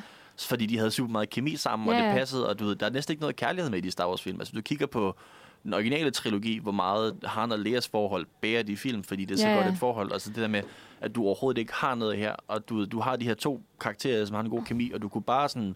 Filmen behøvede ikke at handle om det, du kunne Og bare være der. Og Ja, ja. størstedelen af publikum gik jo også med på det, fordi der var så tydelige paralleller mellem Finn og Poe til Han og Leia. Ja, Ja. præcis. Og Ja. hvordan de mødtes og sådan noget. Det var næsten præcis det samme. Og det jo sådan lidt, det er jo på en eller anden måde der, hvor jeg i hvert fald synes, vi skal hen det der med, at det også bare skal være en ting, som vi også bare nogle gange gør. Og ikke yeah. bare sådan, du ved, en, en film, der handler om at være homoseksuel eller transkønnet, whatever, men en Ja. film, hvor i der er en transkønnet med. Ja, eller, er og, en, og en film, der handler om noget andet, hvor det er bare en del af en persons personlighed, ligesom at det kunne være en del af deres personlighed, at de svømmer, eller ja. et eller andet. Ja, præcis. Ja, nu, det var bare on the top of my head. Ja, ja. Men sådan, godt til svømning. I am sådan, a ikke? swimmer, I am gay. Ja, men altså sådan, at, at det bare er en del af, af, Ja. af Ja. Og det er altså sådan, jeg synes nogle gange, at tv-serier begynder at kunne gøre det, men filmene halter sgu stadigvæk bagefter. Ja. Jamen det, ja, jeg tror lidt, det var det, jeg, sådan, jeg prøvede at kalde casual queerness. Jeg ved ikke, om det, det er et Ja. term overhovedet, som faktisk bruges. Det er et meget godt Det term. lyder fedt i hvert fald. Øhm, Fordi det er jo sådan, fordi selvfølgelig jeg elsker film og tv-serier, der handler om the queer experience. Derfor jeg ser Heartstopper. Øh, selvom Mhm. jeg er et voksen menneske, der ser en tv-show om 17-årige eller 16-årige. eller hvad Men det jeg ser uh, The Summer I Turned Pretty i øjeblikket, så jeg er Ja. helt med dig. øhm, jeg elsker, altså selvfølgelig, I love that, fordi that's my experience, og jeg kan se mig selv i det. Men jeg tror også, det er jo det der med, at, ja, at kunne have noget, hvor det ikke handler om sådan, åh, nu skal jeg komme ud, og nu skal alle komme ud for 10.000 gange, Ja, og der er homofobi og sådan noget. Det er, sådan, det er rart bare at have noget, hvor hvor det ikke er noget, en stor deal, hvor det bare er noget, der er der. Ja. Og der havde jeg jo faktisk et, et lille, det er ikke så kæmpe et eksempel, men Bones and All, som er en, øh, hvad hedder det, jeg vil sige, det er ikke en gyserfilm, det er det ikke. Jo, de Det er den der kannibalismefilm. Ja, det, Ja. Det er en, kam- en romance, der handler om kapitali- ka- kapitalisme. Kannibalisme. Øh, der er nogen, der kalder den for en gyserfilm, men det er det altså ikke. Det er den med Øh, Timothy Chalamet. Timothy Chalamet og Taylor Russell. Øh, Luca, Luca et eller andet, jeg kan ikke huske Ja, hans navn. Guadagnino. Det er ham, der lavede øh, En anden- Suspiria remaket. Han som, har- som, det tror det er det, folk det tænkte, det var en gyserfilm, fordi Suspiria remaket var Ja. ret meget en gyserfilm. Han har også lavet Call Me By Your Name, Ja, jeg skulle lige til at sige det. ja, ja. så jeg tror, folk var lidt forvirret over, hvad der skete der. Ja. Men Men Bones der var også noget meget øh, kannibalistisk kødeligt over den der scene med den der frugt i uh, Ja. Call Me By Your Name. Og Armie Hammer. Ja. Ja, og så er der Armie Hammer. Det er jo faktisk virkelig grineren, at han har lavet en film med Armie Hammer, og så laver han en kannibalismefilm bagefter. Ja. Øhm, men ja, det er en, en romance, der handler om kannibalisme, which I will not go into that, because I have strong opinions about it. Og folk vil synes, jeg er sindssyg, hvis jeg siger nogle af dem. Okay. øhm, det er bare, ja, anyway. Øh, men det handler, off det air. handler om, om ja, den her pige, som finder ud af, at hun er, eller hun finder ikke ud af dem, hun er kannibal, I guess. Øh, og hun møder en dreng, som også er kannibal. Øh, så de har sådan et eller andet samfund, sådan eaters og sådan noget. De kan ikke Men- lade være med at spise mennesker. Ja, præcis. Øh, hvor Timothy Chalamets karakter lige, øh, der er halvvejs gennem filmen, så flytter han med en mand, øh, fordi de ligesom kan spise ham bagefter. Øh, og han er biseksuel, og det er ikke, det er ikke, en, det er ikke en del af filmen. Han er det bare. Ja. Og det er sådan, åh, jeg flytter lige med ham her, og så kan vi spise ham bagefter. og sådan, og han elsker jo samtidig den her pige. Så sådan, det er jo, det er jo sådan nogle, synes jeg ikke lige, alle queer-film behøver at handle om kannibalisme, for eksempel. men øhm, men jeg, jeg tror, det er sådan nogle ting, hvor jeg er sådan, okay, der er en queer-karakter, og han har bare lov til at eksistere, uden at, at hans seksualitet er en stor ting, eller sådan, uden at han skal komme ud. Ja. Han er det bare. Og det er jo det er også noget, jeg tænker i Palm Springs, som også er en romance mellem en, en mand og en kvinde. Men så bliver det også øh, på et tidspunkt, så siger han sådan, åh, jeg har hugget de op med ham her på et tidspunkt. Nå, ja. Ja. Og, sådan, og that's it. Og, sådan, Og okay, så er det super, bare det, ja. fedt. Og Ja. han, han er biseksuel, og det er det. Det er Ja. det bare. ja. Jeg kommer også til at tænke på øh, James Bond i Skyfall. det Den har jeg ikke set. fucking fedt. Ja, der er netop også en scene, hvor han er bare sådan, jeg har måske haft sex med mænd før, siger han basically. Ja. Nå, okay. Så var sådan, du ved, og det Ham, er også fordi, de er øh, skrevet af en... De film er blandt andet skrevet af en homoseksuel mand. Jeg ikke lige, Ja. hvad han hedder, men der er, de nye James Bond-film er skrevet af ham. Men den er super fed, fordi at der er nemlig en, en queer skurk. Og Ja. i starten af filmen var jeg sådan, åh, det er bare så typisk den type queer skurk. Eller sådan, Ja, det har vi bare dem som Yes. virkelig sådan, han lesb, og det, det er han meget, er meget sådan sådan stereotypisk. stereotyp. Men så den, den ene replik, hvor ham der, han sådan prøver at skræmme James Bond ved at sådan lægge massivt an på ham, fordi han tænker, at James Bond må være homofob. Ja, jeg tror, jeg tror, han sidder på en skød. Ja, altså, han, han sætter sig sådan oppe op, op på, James Bond sidder bundet på en stol, ikke? fordi det gør man jo, når man er James Bond. og så, øh, og så øh, kommer skurken og fortæller sin onde plan, fordi det sker i sådan nogle film. Og så sætter han sig ligesom og sådan lægger massivt an på James Bond for ligesom at sådan skræmme ham. Og så er James Bond bare sådan, what makes you think it would be my first time? Ja. Altså sådan, hvad får dig til at tro, at jeg ikke har haft sex med mænd? Ja. Er, er du klar over, hvor meget sex jeg har? Og det var sådan, virkelig casual. Jeg tror virkelig også, det Ja. fløj over hovedet på mange. og det var, jeg synes, det var så fedt, at det var casual. Ja. At, det ikke blev, at det ikke blev gjort til et stort nummer. Ja. At det bare var sådan... Og inde i mit hoved var sådan, selvfølgelig... Ja, ja. Altså, James Bond er den mest horny karakter nogensinde. Han boller så meget. Ja. Selvfølgelig har han også bollet med Ja, mænd. det giver 100% Det, mening. altså, og, men han spillede den bare også godt, Daniel Craig. Han spillede den som Ja. om... At, altså, det, det så, I hans øjne så det ud som om, at ja, selvfølgelig har han haft sex med mænd. Altså, i det øjeblik var jeg sådan, what? Jamen, okay. Det var super fedt, faktisk. Ja, er det, jo- jeg stemmer også for, at den næste Bond-babe skal være en mand. Ja. ja. Det, Jamen 100 procent. Jamen, det er jo sådan, se, det er jo sådan nogle ting, hvor jeg er sådan, ja, det er fucking, det, det, hvad hedder det, det, det er for, nu snakker vi lige om Daniel Craig, fordi han spillede også i Glass Onion for nylig. Nå ja. Øhm, The Knives Out, hvor, hvor han, det blev confirmed, at han, han var gay, og han var gift med Hugh Grant. Øh, hvilket er nice det det? igen. Ja, ja, Ja. Det er bare en scene, hvor hans mand åbner døren for en eller anden. Hugh Grant er Og hans... mand fattede er jeg. Hugh Grant. Ja. Hugh Det Grant fattede jeg slet Hugh- ikke. Jeg tror, Hugh Grant er basically hans sugar daddy, er det, de implikerer der. ja, ja, men altså, jeg tror, Nej, jeg tror, jeg troede, at Hugh Grant bare var hans øh, sådan butler. det, alle troede, han, Ja. han var hans butler, men han, Ja, men Hugh Wow. Grant er selv været ude og sige sådan, ja, nej, nej, det, Nej, jeg, jeg er gift med Daniel Hugh, Craig. Hugh Grant har, har, he, eller helt seriøst sagt, at han er gift med Daniel Craig. Ej, hvor Ja. great. Så det, altså, det er jo igen det der med, at ja, karakterer, der bare har lov til at være queer, og så har de et eller andet andet plot. Men det er ikke, altså, det, er ikke det, det handler om. Det Ja. handler bare Ja. om, at, at de gør et eller andet. Ja. Øhm, så det er helt klart, så skal James Bond også bare have nogle sex med nogle mænd på Ja. ja. åben skærm. Og det synes jeg, jeg synes godt, det kunne være en af de der sådan casual Bond babes, fordi der er jo altid en James Bond film. Der er Ja. altid, der er altid øh, ofte er der faktisk tre. Der er en ond kvinde, som Ja. ja. fatal, og så er der en casual kvinde, som han boller med, og så ikke ser igen, og Ja. ofte dør hun. Ja, ofte dør hun, Og ja. ofte dør hun sådan, det er sådan en fridging, ikke? Det er sådan, så han, det kan motivere ham til at gøre noget. Ja. Øhm, og så er der de, sådan en hjælperkvinde, som han ender med at være meget sammen med, og som ender med at hjælpe ham med at slås mod de onde. Ja. Øhm, det er sådan, øh, og den onde kvinde boller han også med, og så enten dør hun, eller også så bliver hun god. Øhm, Ja. men, øhm, men bare en af de der casual, en af dem, der bliver slået ihjel, eller en af dem, der, der er ond, og så bliver god, eller en af dem, han bare casually boller med i løbet af filmen, kunne godt Ja, være ja. en mand. Det, Altså- bare lige smid den ind. Ja, bare sådan, så, Det kan godt være, hvor to af dem er mænd, og den ene er en kvinde. ja præcis, man kunne, sagtens, man kunne sagtens smide nogle mænd ind imellem. Altså, Ja. sådan, der er Ja, så mange 100%. damer i de der James Bond-film Der er normalt. så mange Ja, Altså, er damer. de, kan, ikke- altså, og de var ikke særlig lange i gamle dage. De kunne klemme så mange love interests, ja. eller sådan, i hvert fald øh, sådan sexual interest for James Bond ind i så lille en kort en film. Og det er så også, fordi en af de sjove ting ved James Bond, jeg er ret stor fan af James Bond-filmene, men en af de sjove ting er det, at de jo er jo netop kæmpe sexistiske, og de, sådan, Mega de, har, de prøver at kæmpe med det. De prøver sådan, hvor, hvor ikke sexistisk kan vi gøre det. Og, og så er det stadigvæk super og det er sexistisk. stadig super sexistisk, men det er alligevel, hvis man i mindste gør det sådan equal opportunity, Ja. men også sådan over for mænd, Ja, så er det, Det er sådan, ja. Quality. og de er altid, damerne er altid meget yngre end ham. Men så kunne Ja. vi jo bare få ham til at bolle med nogle yngre mænd også. Ja, ja. Det er det, så kan vi også seksualisere begge køn. Ja, Seksuelle alle mennesker. seksualisere alle. Ja.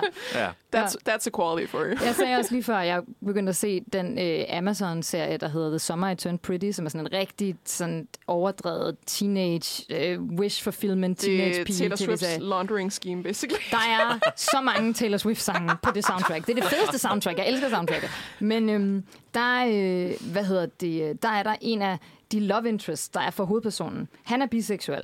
Og han, altså sådan, der filmen caller out, at det kunne være queerbaiting ved, at der er en scene, hvor han sidder til en fest, ham, den ene love interest, Ja. og lægger an, og flirter lidt med en, med en mand. Og så siger fyren, øh, altså ham han sidder og flytter med, queerbaiter, kalder han ham. Fordi at sådan, sådan, du har jo ikke tænkt dig at hooke op med mig. Og så er han sådan, nej, nej, jeg er biseksuel, og så snæver de. Øhm, og så er man sådan, what the fuck? Siger filmen, at han er queer, fordi så, han, han er ligesom love interest, eller Ja. hovedpersonen har Ja. to love interests, og de er brødre og sådan noget. Det, it's, it's a lot. Jeg, jeg sådan hate-watcher den lidt, fordi jeg gik i gang med at se den, fordi jeg håbede på, at det ville være sådan en virkelig god guilty pleasure-scening for mig. Og så er der dele af det, som jeg synes er virkelig dårligt. Jeg, jeg tror, det er en hate-watcher for ret mange, ikke? Ja, Ikke at jeg selv ser den, men, men øh, jeg, jeg har det lidt det vibe. Især fordi...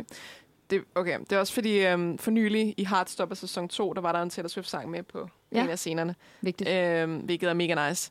Øh, jeg synes bare, det er sjovt, at Taylor Swift, hun promoverer bare den der Summer I Turn Pretty så fucking hårdt. Hver eneste gang, der er en af hendes sange med, så hun sådan, ej, guys, please watch this. Ja. Ja. Men du kunne ikke sådan promovere den ene episode af Heartstopper. Nej, det er også Og fjollet. så, og så blev og Love Story blev brugt i sæson 2 af The Bear, og det er min yndlingsserie lige nu. Jeg elsker fucking The Bear. Og der er en scene med en uh, a middle-aged divorced man, and he loves Taylor Swift, and he just Ej, bought fedt. Taylor Swift tickets for his daughter, and then he sings in the car on the way home. Jeg var sådan, Taylor, you need to promote this. Ja, you need ja. to hook it up. Men altså, jeg synes heller ikke, den der Summer Turn Pretty er særlig god, men det er et virkelig godt soundtrack, og den er meget, meget sådan, der er virkelig flotte sommerbilleder, og de bader ved stranden, og Ja. it's very pretty. Og øhm, han er faktisk også virkelig nice som den biseksuelle figur. Jeg forstår overhovedet ikke, hvorfor hun overhovedet overvejer at være sammen med nogle af de andre. Der er virkelig mange love interest til den her teenage pige. Fordi det er sådan, det er sådan wish fulfillment. Det er sådan, hvad nu hvis den dag, jeg fyldte 16, så var jeg lige pludselig blevet lækker, og så ville alle mændene have mig. Ja. Alle de drenge, jeg altid har crushet på. Så lige pludselig synes de, jeg var nice, fordi jeg har fået min bøjle af, og ikke har briller mere. Øhm, så det er, sådan, det, er, det er det niveau. Det er sådan helt Okay. fanfiction-agtige vibes. Oh, gud. Og, øhm, og der er sådan de der to brødre, som, hvor den, hun har været forelsket i den ene i virkelig lang tid, og han er bare så nederen. Han er sådan rigtig broody og sur hele tiden, og moody og bare nederen. Og så er der hans lillebror, som er ham der, som er biseksuel, og som er den der type biseksuel karakter, der bare lægger an på alle hele tiden. Altså sådan sindssygt karismatisk, flytter konstant med både mænd og kvinder, og sådan ser, man ser ham kysse med folk i baggrunden hele tiden, og han er så sød og rar og grineren, og jeg er sådan, den, det er ikke engang realistisk, at hun overvejer nogen som helst andre end ham. Altså, Men Men, øh, det, det er vel også, ja, kan, han, kommer han nogensinde ud, eller er han, er han, er han bare åben? Eller? Jeg tror, han er, han er åben Ja, biseksuel. Øhm, Er der noget homofobi i den? det kan jeg ikke huske. Nej. Øh, Det ved jeg ikke, om det kan jeg ikke huske. Men jeg synes, jeg synes, det var en lille smule queerbaity, at de gør ham biseksuel, hvis han alligevel bare skal ende sammen med hende der pigen. Men Det synes jeg ikke. så synes jeg også... Det, han er jo biseksuel. Han er jo biseksuel, det er rigtigt. og altså, man ser ham sidde og kysse med en fyr til en fest, og de snakker dagen efter om, sådan en af de andre spørger sådan, Nå, hvorfor er du så sur i dag? Gik det ikke godt med Kevin i går? Og så var han sådan, det gik faktisk rigtig godt, hvis, hvis, du, hvis du absolut vil vide det. Det, det gik sådan- faktisk rigtig godt. Det er jo igen det der, sådan, jeg forstår det godt, men sådan, de er jo biseksuelle. Like, there's a Ja. point. In, Ja, ja, ja. Og det er, jo, det er jo det samme med det der med i Heartstopper, øh, med Nick, den biseksuelle dreng, hvor han dater en dreng. Og så siger folk sådan, åh, oh, er du bøsse nu? Bare sådan, jeg er faktisk biseksuel. Og han bliver ved med at sige det hver eneste Ja. episode. Og der er rigtig mange... Når de der jokes med, actually I'm bi, Ja, og der er folk, like literally queer folk, lesbiske og homoseksuelle, som har sagt sådan, oh, it's super cringe that he says that. Bare sådan, ja, fordi folk ikke respekterer fucking biseksuelle. Ja. Og siger sådan, om så skal du vælge. Bare Ja. sådan, det er jo derfor, han siger det hele tiden, Ja. fordi folk bliver ved med at tro, at han er bøsse eller hetero. Ja, Og han er faktisk først- ikke er hverken eller. Men det er jo også det, der er med biseksualitet, ikke? Mm. Det er jo, at folk inderst inde tror, at alle bare er til mænd. Ja, at verden bare handler om mænd. Altså, hvis, hvis, Ja. mænd siger, de, er øh, hvis de, mænd siger, de er biseksuelle, så tænker folk, nej, du er nok homoseksuel. Ja. Og hvis kvinder siger, de er biseksuelle, så er det sådan, nej, du er heteroseksuel. Du vil bare gerne have, at mænd skal synes, du er nice. Mm. Og Ja. det er sådan, okay, hvorfor tror alle, at alt handler om mænd? altså sådan, hvad Jamen, det nu, var hvis min der- seksualitet ikke handlede om mænd? Mm, Det jo altså, det der, var det ikke den der scene der fra Sex and the City, et eller andet, som gik viralt for nylig, øhm, som er totalt irriterende, fordi det er, en, det er en gammel joke, det er en gammel sag, hvor, øh, hvor, hvor en eller anden dame, hun, det var et kort, i, kort, i et kort periode datede en af karaktererne en kvinde, indtil hun så datede mænd igen. Ja. Øhm, og jeg tror ikke, hun blev kaldt biseksuel, men, men hvor at de snakkede om biseksuelle mænd, og så sagde de sådan, oh, bisex- bisexual men, they always end up with a man anyway, and so does women. Ikke? Altså sådan, yeah. så, alle ender med en mand Ja. alligevel, selvom de kalder sig biseksuelle. Ja. Øh, ja. Men det er jo sådan meget den tids måde at portrættere biseksualitet. Ja. på. At Samantha, hun er kærester med en kvinde i, i, en, i en, en del afsnit på et tidspunkt. Og så snakker de bare om hende som lesbisk. Mm. Og det er sådan, hun har datet så mange mænd indtil da. Og ja. efter hun slår op med den her dame, så dater hun en mand bagefter. Og så er de bare sådan, nu er hun ikke lesbisk mere. Nu er hun bare heteroseksuel igen. og det er sådan, nej, hun er biseksuel. Hvad er det her? Altså, og det er det samme i, øh, i Buffy the Vampire Slayer, hvis I har set det. Der er der også en af, en af hovedpersonerne, som øh, er kærester med øh, en af Buffys bedste venner, som er kærester med en fyr i nogle sæsoner, og så bliver hun kærester med en pige bagefter. Og så omtaler de hende bare som lesbisk derefter. Ja. Og jeg er sådan, what the fuck? Ja. Altså sådan, Jeg kommer også til at tænke på, at det er Scott Pilgrim vs. The World. Har du set ja, den? ja, Der, hvor det er sådan, det er, åh, nu lagt den, den her film med Ramona Flowers, den kvindelige karakter, som... det er alle hendes ekskærester, som Ja. han skal slås mod. Og han bliver ved med at kalde de ex-boyfriends. Ja. Og hun er sådan, nej, det er ekskærester. Ja. Ja. for en af dem er en kvinde. Ja, Ja. præcis. Ja. Det Men, der, men der er det jo mere joken, der er det jo ikke... Ja. Der er det jo det var faktisk, det var karakter. faktisk ret Ja. sjovt, fordi jeg var jo en af dem, der så Glee. En alt for ung alder. Ja, det gør jeg Jeg også. elsker Glee. Eller jeg hader at elske Glee. Ja, Øhm, hvor en af karaktererne, Brittany, hun, hun er jo faktisk biseksuel. ja. Men øh, med, hun, med hendes kæreste, hendes kvindelige kæreste, siger, hun er lesbisk. Ja, det er også mega Øhm, nederen. Og det, det er jo især sjovt, fordi den er skrevet af Ryan Murphy, som Ja. er en queer person. Ja. Men det viser jo så også bare, at ikke alle queer personer er mega nice, I guess. Nej, ja. Øhm, der, der, det lige er totalt sådan total erasure af al biseksualitet over. Ja. Ja, Der, det der, er der, der, er man kun, der er man kun bøsse eller hetero. Og det er så ærgerligt, fordi Ja. at der er biseksuelle karakterer, som bare ikke får lov til at være særlig biseksuelle. Ja. Eller sådan. Jeg tror også, en af dem, der gjorde mest fred, det var også i uh, Bohemian Rhapsody. Ja. Oh, Ja, at han så bare Fuck, bliver don't gjort til... Ja, ja. ja, fordi den er også, altså, og det er jo øh, ikke noget mod homoseksuelle, en lille smule mod Brian Singer, som instruerede den film, fordi Ja. han er pædofil. Ja, ja. Øh, men, Det synes jeg, det synes jeg er Meget så Ja, ja. at kritisere Ja. ham. Men, men, men fordi i den film, øh, som er instrueret af Brian Singer, som er homoseksuel, så er der en scene, hvor i, at han, han har været gift med en kvinde, stort set hele filmen igen, øh, Freddie Mercury. Ja. Og så har han sex med mænd. Ja. Og så siger han, jeg tror, jeg er biseksuel, biseksuel. Og så siger hans kone, nej, du er homoseksuel. Ja, og han får ikke selv lov til at vælge. nej. Han får ikke selv lov til at, sådan, at diskutere eller sidde og tænke over det. Han får bare at vide, det kan godt være, du har haft, været i et langt forhold med mig, en kvinde, men du er faktisk homoseksuel. Jamen, det Og han så... får intet agency i det. Han får ikke lov til at selv at sådan, tænke over det eller vælge. Og det hele den film, synes jeg bare generelt var sådan en karaktermor af Freddie Mercury. Ja. Fordi han er så fucking...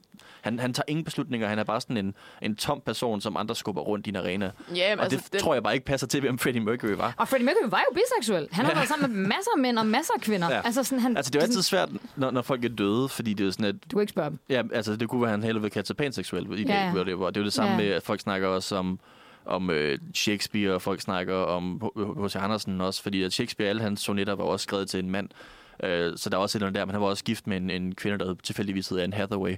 Øh, Mhm. Ikke den Anne, Ja. Anne Hathaway, men ved, sådan, altså, vi ved jo ikke, om han identificerer, identificerer, sig selv, wow, identificerer sig selv som biseksuel, homoseksuel. Nej, det, var, nej, det var ikke engang nødvendigvis noget, man havde på det tidspunkt, Nej. fordi det var nogle mere nye begreber. Ikke?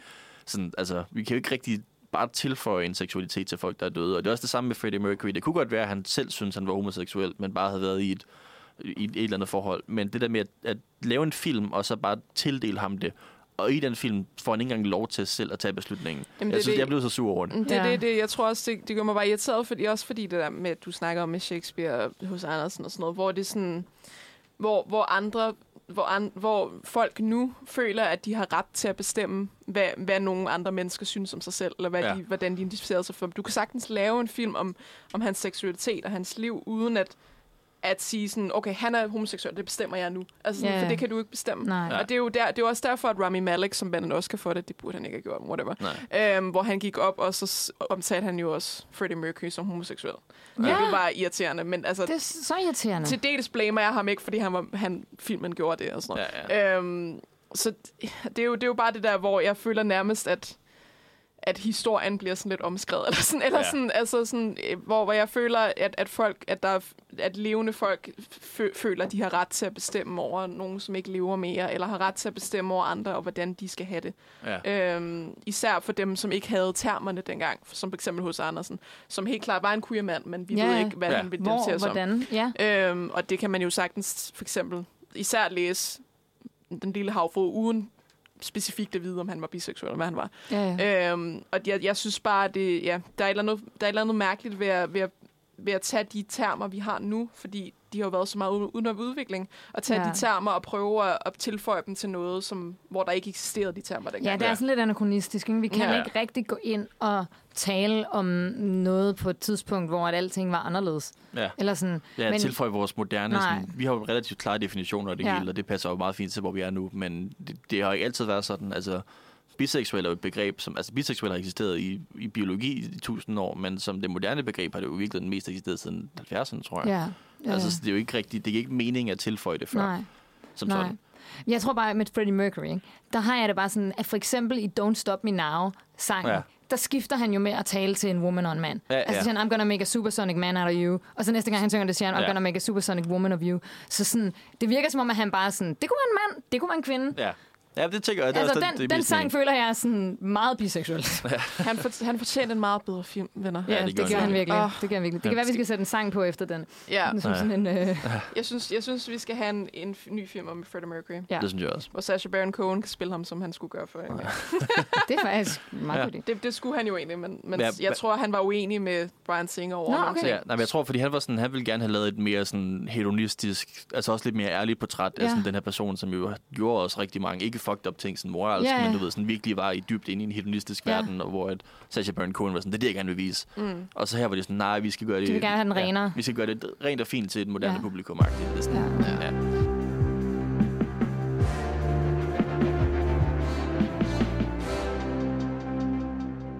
En af de film, som jeg så som forberedelse den her, også bare fordi det er sådan på min liste i ret lang tid, var Rocky Horror Picture Show Ja. som også er en, en klassiker, som jeg sådan, der har været bevidst om og først så nylig. Og jeg synes, der er et eller andet sådan virkelig charmerende og oprigtigt ved sådan gamle old school film. Sådan før at det var du ved, noget, man kunne appellere sådan, til et markedspublikum, Ja. der var så queer. Ja. Det er så også, altså sidste år, øh, da vi lavede Nosferatu, der snakker vi også om Dog Day Afternoon, som også er fra 70'erne, Mm. mm. øh, Lennart, du er også med der.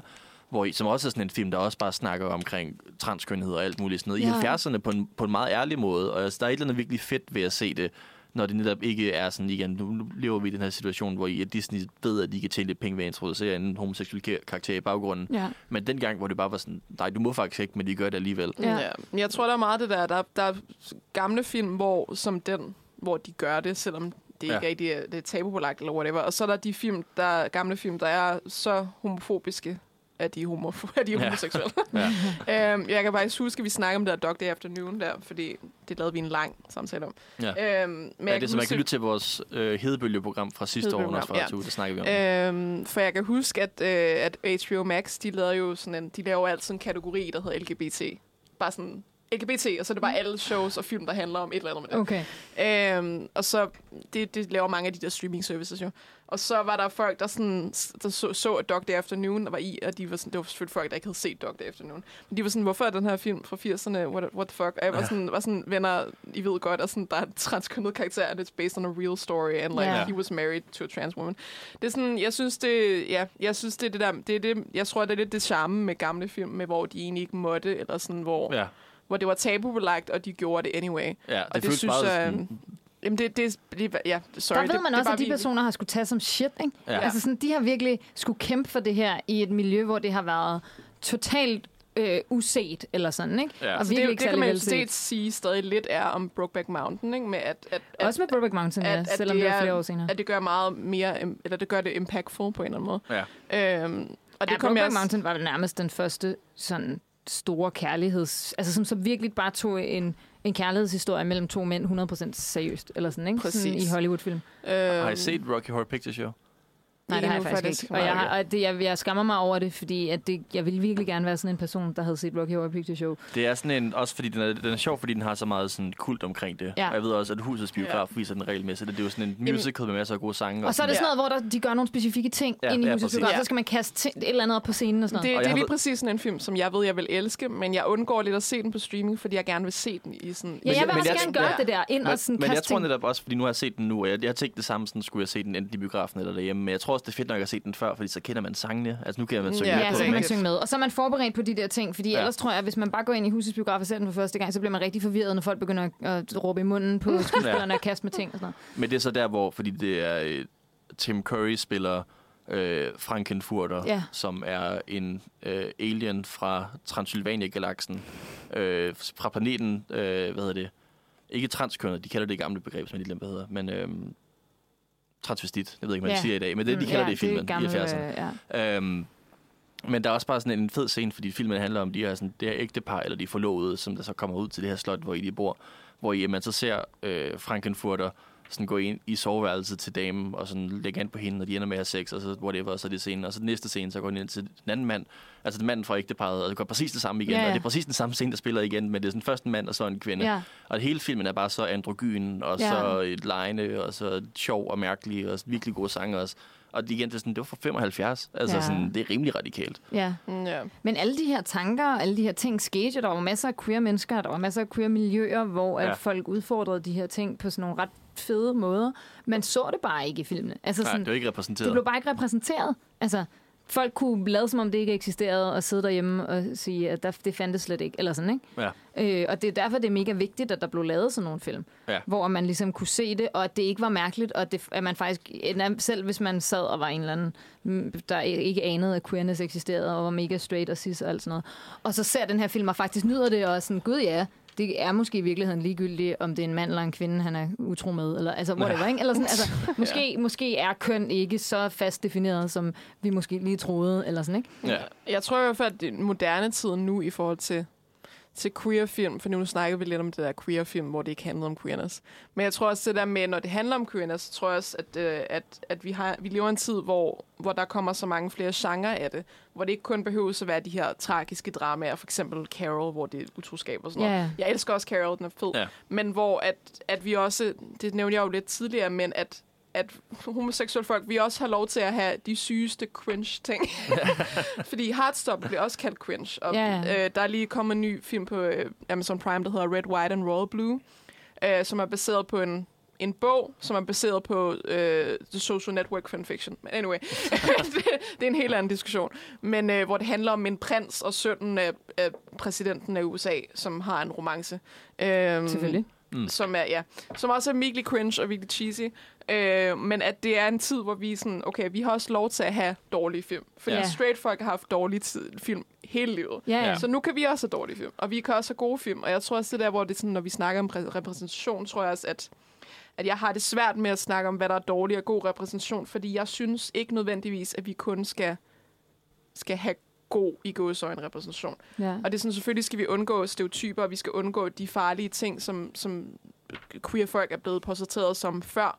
Men jeg synes, at at jeg synes både, der skal være plads til Heartstopper, som bare er en cute sag, hvor to drenge er forelskede, og de skal finde ud af at takle det i high school. Og jeg synes også, der skal være plads til en serie om, om lesbiske, der strander på en øde ø og spiser hinanden. Altså sådan, Ja. ja. Ja, ja, jeg synes, ja, der skal være plads ja. til begge dele. Ja. Ja. Øhm, og det tror jeg igen, at det her, at her, hvor det bliver kompliceret, hvor folk har svært ved at se, at det hele ikke er sort og hvidt, som jeg sagde før. Ja. Øh, at der er nuancer i det, og jeg, jeg Ja. tror, der skal være plads til de, til de nuancer. Ja, og vi er nødt til bare at producere helt vildt mange queer-film, Mm. så vi får nok repræsentation til, at det ikke længere... Altså, fordi det er jo det, der var problemet. Det var, hvis der kun var én homoseksuel karakter i alle de film, der kom ud i et helt år, ja. Så gør det virkelig stor forskel, hvordan den homoseksuelle karakter er portrætteret. Men hvis Præcis. der er 100 homoseksuelle karakterer. Ja. så gør det ikke noget, at der er en, der måske er portrætteret sådan med et, et lidt for skarpt øh, fortung lesb, eller sådan, ikke? Og, og det er også, altså, fordi der er også rigtig meget af det der folk, der kritiserer sådan woke-kultur, og hvordan der sådan siger det der med, altså for eksempel, hvis der kommer en film med en kvinde, og den er dårlig, og siger det, se, vi skal ikke lave film om kvinder, eller whatever, hvor det sådan. Ja. men, men så tænker man på, hvor mange film, der handler om mænd, der er dårlige. Ja. Men der er, der er bare lavet Ja. så mange film, sådan, så der engang imellem kommer en god en. Så det er også Ja. derfor, det, det er ret vigtigt, det der med, at vi også får lov til at lave dårlige film om queer, og dårlige Ja. film om, om kvinder, og det ene og det andet, fordi at en gang imellem Ja. kommer der en god en. Ja. Men Go man bliver, nødt, man bliver nødt til at prøve. altså ja, ja, sådan, det er rigtigt. så, så det der med, at folk bruger det som argument, når der kommer en, du ved, ja, en, en dårlig queer-film, ja. eller en dårlig queer-tv-serie, men det er sådan, vi skal også have lov til at lave de dårlige ting, eller Ja, de ikke lige så hele, ophævede ting, Ja. fordi ja, der skal være et spektrum. Det er jeg 100% fortæller for. Jeg, er- jeg er sådan en person, der ikke, der ikke gider at se Red, White and Royal Blue, by the way. Fordi Nej. jeg kan ikke lide forfatteren, men sådan, jeg synes, der skal være plads til de ting. Ja. Ja. Øhm, helt sikkert. Og jeg tror også kun, det vil hjælpe på det hele. Altså på hele situationen, på hele vores, vores øh, problemer med repræsentation, hvis der bare er mere. Altså, Ja. hvis der bare er, og det er jo så, kan man sige, en fordel ved den der slags lidt queerbaiting-agtigt, og at de store firmaer gerne vil hoppe med på den bølge, der er, at folk nu er øh, den positive omkring queerness. Ja. At så kan det være, der bliver pumpet noget mere ud. Og så kan det godt være, at Disney ikke tør, men så tør Amazon måske, og så tør den, Ja. nogle af de andre øh, kæmpe store lortefirmaer, der bare gerne vil kapitalisere på det. Ja. Men det betyder jo på en eller anden måde alligevel, at der kommer noget. Øh, og der kommer nogle flere ting at vælge imellem. Ja, det ord queerbaiting. Ja, det er et lorteord. Det, jeg hader det ord. Øhm, det er mest fordi folk bruger det om rigtige mennesker, hvilket ikke rigtig giver mening. Nej. Ja, det er også Jeg, jeg, jeg tror, at queerbaiting er sådan et ord, der bare er blevet universelt misforstået. Eller Ja. sådan, det, den er, Ja. det har mistet definitionen Det kan godt snakke lidt om det, fordi jeg tænker også, altså en ting, jeg har tænkt på i forhold til queerbaiting, så meget er jeg ikke inde over det. Men der var for eksempel Sherlock BBC tv-serien, Som blev kaldt det. som blev kaldt det, men det var også der, fordi jeg føler ikke, det var et queerbaiting. Jeg tror bare, de tilfældigvis endte med at have et publikum, som gerne vil have det. Fordi at hvis man ser på den, der var skrevet af en homoseksuel mand og en heteroseksuel mand, og den spiller rigtig meget på, at Sherlock og Watson måske var homoseksuelle. Og det var også Ja. lidt en læsning af bøgerne, fordi den netop er der, og de, sådan, de leger med det. Altså, det er Ja. vilje, at det er sådan en ting, hvor i der så kom nogle fans, der gerne vil have mere af det. Ja. Men jeg tror ikke, at de- de sad og tænkte, nu skal vi appellere til en masse 13-årige piger, som der sidder og gerne vil have, at de her to skal være homoseksuelle. Jeg tror, de tænkte sådan, nu laver vi bare en Sherlock-tv-serie. Jeg tror, det... Ja. Ja. Så jeg, jeg, ved ikke, jeg ved ikke, altså det er også derfor, at, fordi jeg er sikker på, at queerbaiting er en ting, men i det tilfælde har jeg altid følt sådan, jeg, jeg tror bare ikke, at det var det, de prøvede at Queer- baite. Jeg tror bare, de endte med at være succesfulde på det front. Queerbaiting er en ting, men jeg tror, at, at fordi queerbaiting er så sårende, så tror jeg, at folk har sagt, okay, hver eneste gang, der sker noget, som vi ikke vil have, så er det Mm. queerbaiting. Så kan vi kalde det det. Ja. Og, Ja. det, og det er det ikke. Øhm, jeg kender jo, altså, queer, hvad jeg definerer som queerbaiting, det er jo Supernatural-serien, øh, hvor de siden sæson 5, hvor der kom en, en engel, som, som alle shippede med, med en menneske, øh, at de med vilje har spillet det op i 10, i 10 sæsoner, for til sidst, at, Nå, jeg så ryger i at helvede. til sidst, så, Super til sidst så confirmer de det, og så ryger han i helvede. Ja. Og det er, jo, det er jo klassisk queerbaiting for mig. Og det er sådan, jeg, jeg, tror, jeg tror, det er jo der, hvor det er sådan, okay, men det er queerbaiting, men alt er altså ikke queerbaiting. Altså sådan, det, du ved, og især når det kommer til rigtige mennesker, sådan noget som, der var Billie Eilish, der lavede en musikvideo, hvor hun dansede med nogle piger, og så sagde folk, at det var queerbaiting, fordi hun appellerede til queer mennesker. Og så sådan, what? Det, Men det er også unfair, hvis man ikke må appellere til queer mennesker. Ja. Hvorfor Ja. må man ikke, må man ikke altså sådan... ja. altså, det er meget... Jeg, Vil ja. vi ikke netop gerne have, at der var noget, der var skrevet to the gays? Altså sådan... altså, Men jeg har også set, at sådan decideret, jeg har set at sådan serier, som faktisk er queer, eller sådan, hvor de har skrevet det queer, men hvor det for eksempel, hvor det er et slow burn, så de kysser ikke endnu. Eller sådan, ja. Good Omens er faktisk et rigtig godt eksempel nu. Ja. Øhm, sæson 1 kom for sådan et par år siden. Sæson 2 er lige kommet ud. Jeg har ikke set den. Men, øh, men sæson 1 kom ud, og det er baseret på en bog, og Neil Gaiman har skrevet den, eller har lavet den. Øhm, og det er universal knowledge, at de her to karakterer, de er forelskede, og Ja. de er queer. Og begge to er desuden engle. De er repræsenteret som mænd, spillet af mænd, men de er begge to engle, så de har faktisk ikke noget køn Ja, overhovedet. ja. Øhm, og så har folk vidderligt sagt, at det var queerbaiting.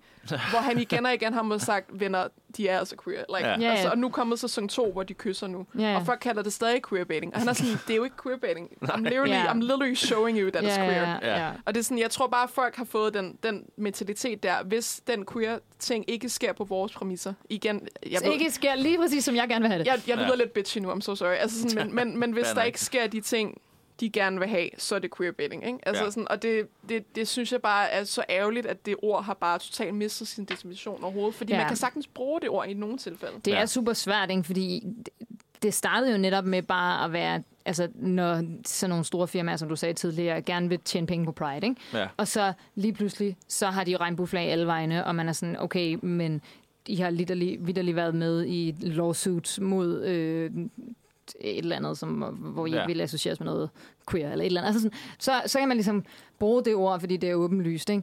Og der er jo også, altså sådan, det, det som det oprindeligt startede med i for eksempel sådan noget med film og tv-serier, der var det jo også sådan noget med, at film og tv gerne ville have karakterer, som virkede homoseksuelle, men de ville ikke lade dem kysse på tv, fordi at det vil, altså Disney, ikke, der ikke tør. Og så Ja. har de ham der LeFou, og så siger de, at han er homoseksuel, og så snakker, promotiverer de sig selv vildt meget på, at vi nu har en homoseksuel karakter.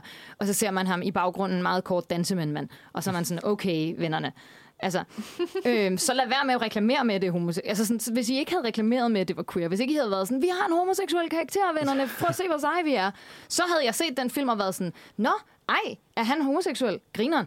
Altså, så havde jeg bare været sådan, nå, ej, hvor sjovt, det giver mening. Ja. Og så havde jeg faktisk synes, det var fedt. Hvor nu gik jeg ind og så den, og var sådan, hvad fuck snakker I om? Ja. Ja, Altså det, sådan- det bliver et problem, når de, når de promoverer så meget af filmen på det, som om, at, at der vil vidderligt være et, et subplot. Ja, som om det var Eller virkelig sådan, vigtigt. Altså, når de læner sådan halvdelen af filmens eksistens på, at der er en queer-karakter, når det faktisk ikke handler om det overhovedet. Og så bliver det sådan, så, så bliver det sådan, prøv at se, hvor gode vi er. Ja, ja. Vi, Ja. vi, øh, vi kan godt finde ud af at lave queer representation. Prøv og at så se, er det bare we're den, so woke. den billigste queer repræsentation, som man overhovedet kan sådan skrive ind. Og man så- kan, man kan bare lige forestille sig det der sådan boardroom, det der sådan Ja. møde med en masse executives, der sidder rundt om hjørnet og sidder og klapper hinanden. Ja, de har de- klappet Ja. hinanden på skuldrene Ja. og været sådan, fuck, hvor er det Ja. gode, se, mand. se, hvad vi gjorde. Vi giver Ja. det til dem, og det er sådan, Ja. ja. kom ja, sådan, Vi har gjort noget vigtigt for the queer We're community doing i what dag. people want us to do. Ja. Ja, åh, ja, ja. Og, det, og det er jo det, som folk har været irriteret over. Det er derfor, de her begreber er startet. Men du har Mm. helt ret. De, det er jo totalt... Altså, det, sådan er det jo også. Det er jo ligesom med woke. Ikke? Det betyder ikke noget mere. Nej. altså, Nej. det betyder ingenting. Ja. Øh, og det er det samme med, med queerbaiting. Det betyder ingenting. Det er også derfor, jeg synes, det var grineren. Det blev brugt vidderligt i en scene i den der, film, i den der tv-serie, jeg sad og så med, øh, med ham der, den, den biseksuelle fyr, at han, at han sidder i en sofa og lægger an på en fyr, og fyren så kalder ham queerbaiter. Fordi han tror, at han ikke at han tror, at han er til kvinder. Ikke? Og så er han sådan, lad være med at flirte med mig, hvis du er til kvinder. Og så er han sådan, nej, nej, jeg er biseksuel. Og så er det okay. Mm. Og så er jeg sådan, okay, hvis det er der, vi er nået til med det ord, så kan vi jo ikke bruge det mere. Nej, det er nej, rigtigt. altså det er totalt... Jeg, jeg, jeg tror, at det er totalt forældet over at this point. Eller sådan, det er ikke forældet, men det er jo forældet, fordi folk ikke forstår, hvad det er mere. Ja. Øhm, altså det tror jeg helt klart, det er en et diskussion, et, et, noget vi skal sådan komme videre fra at diskutere. Eller sådan.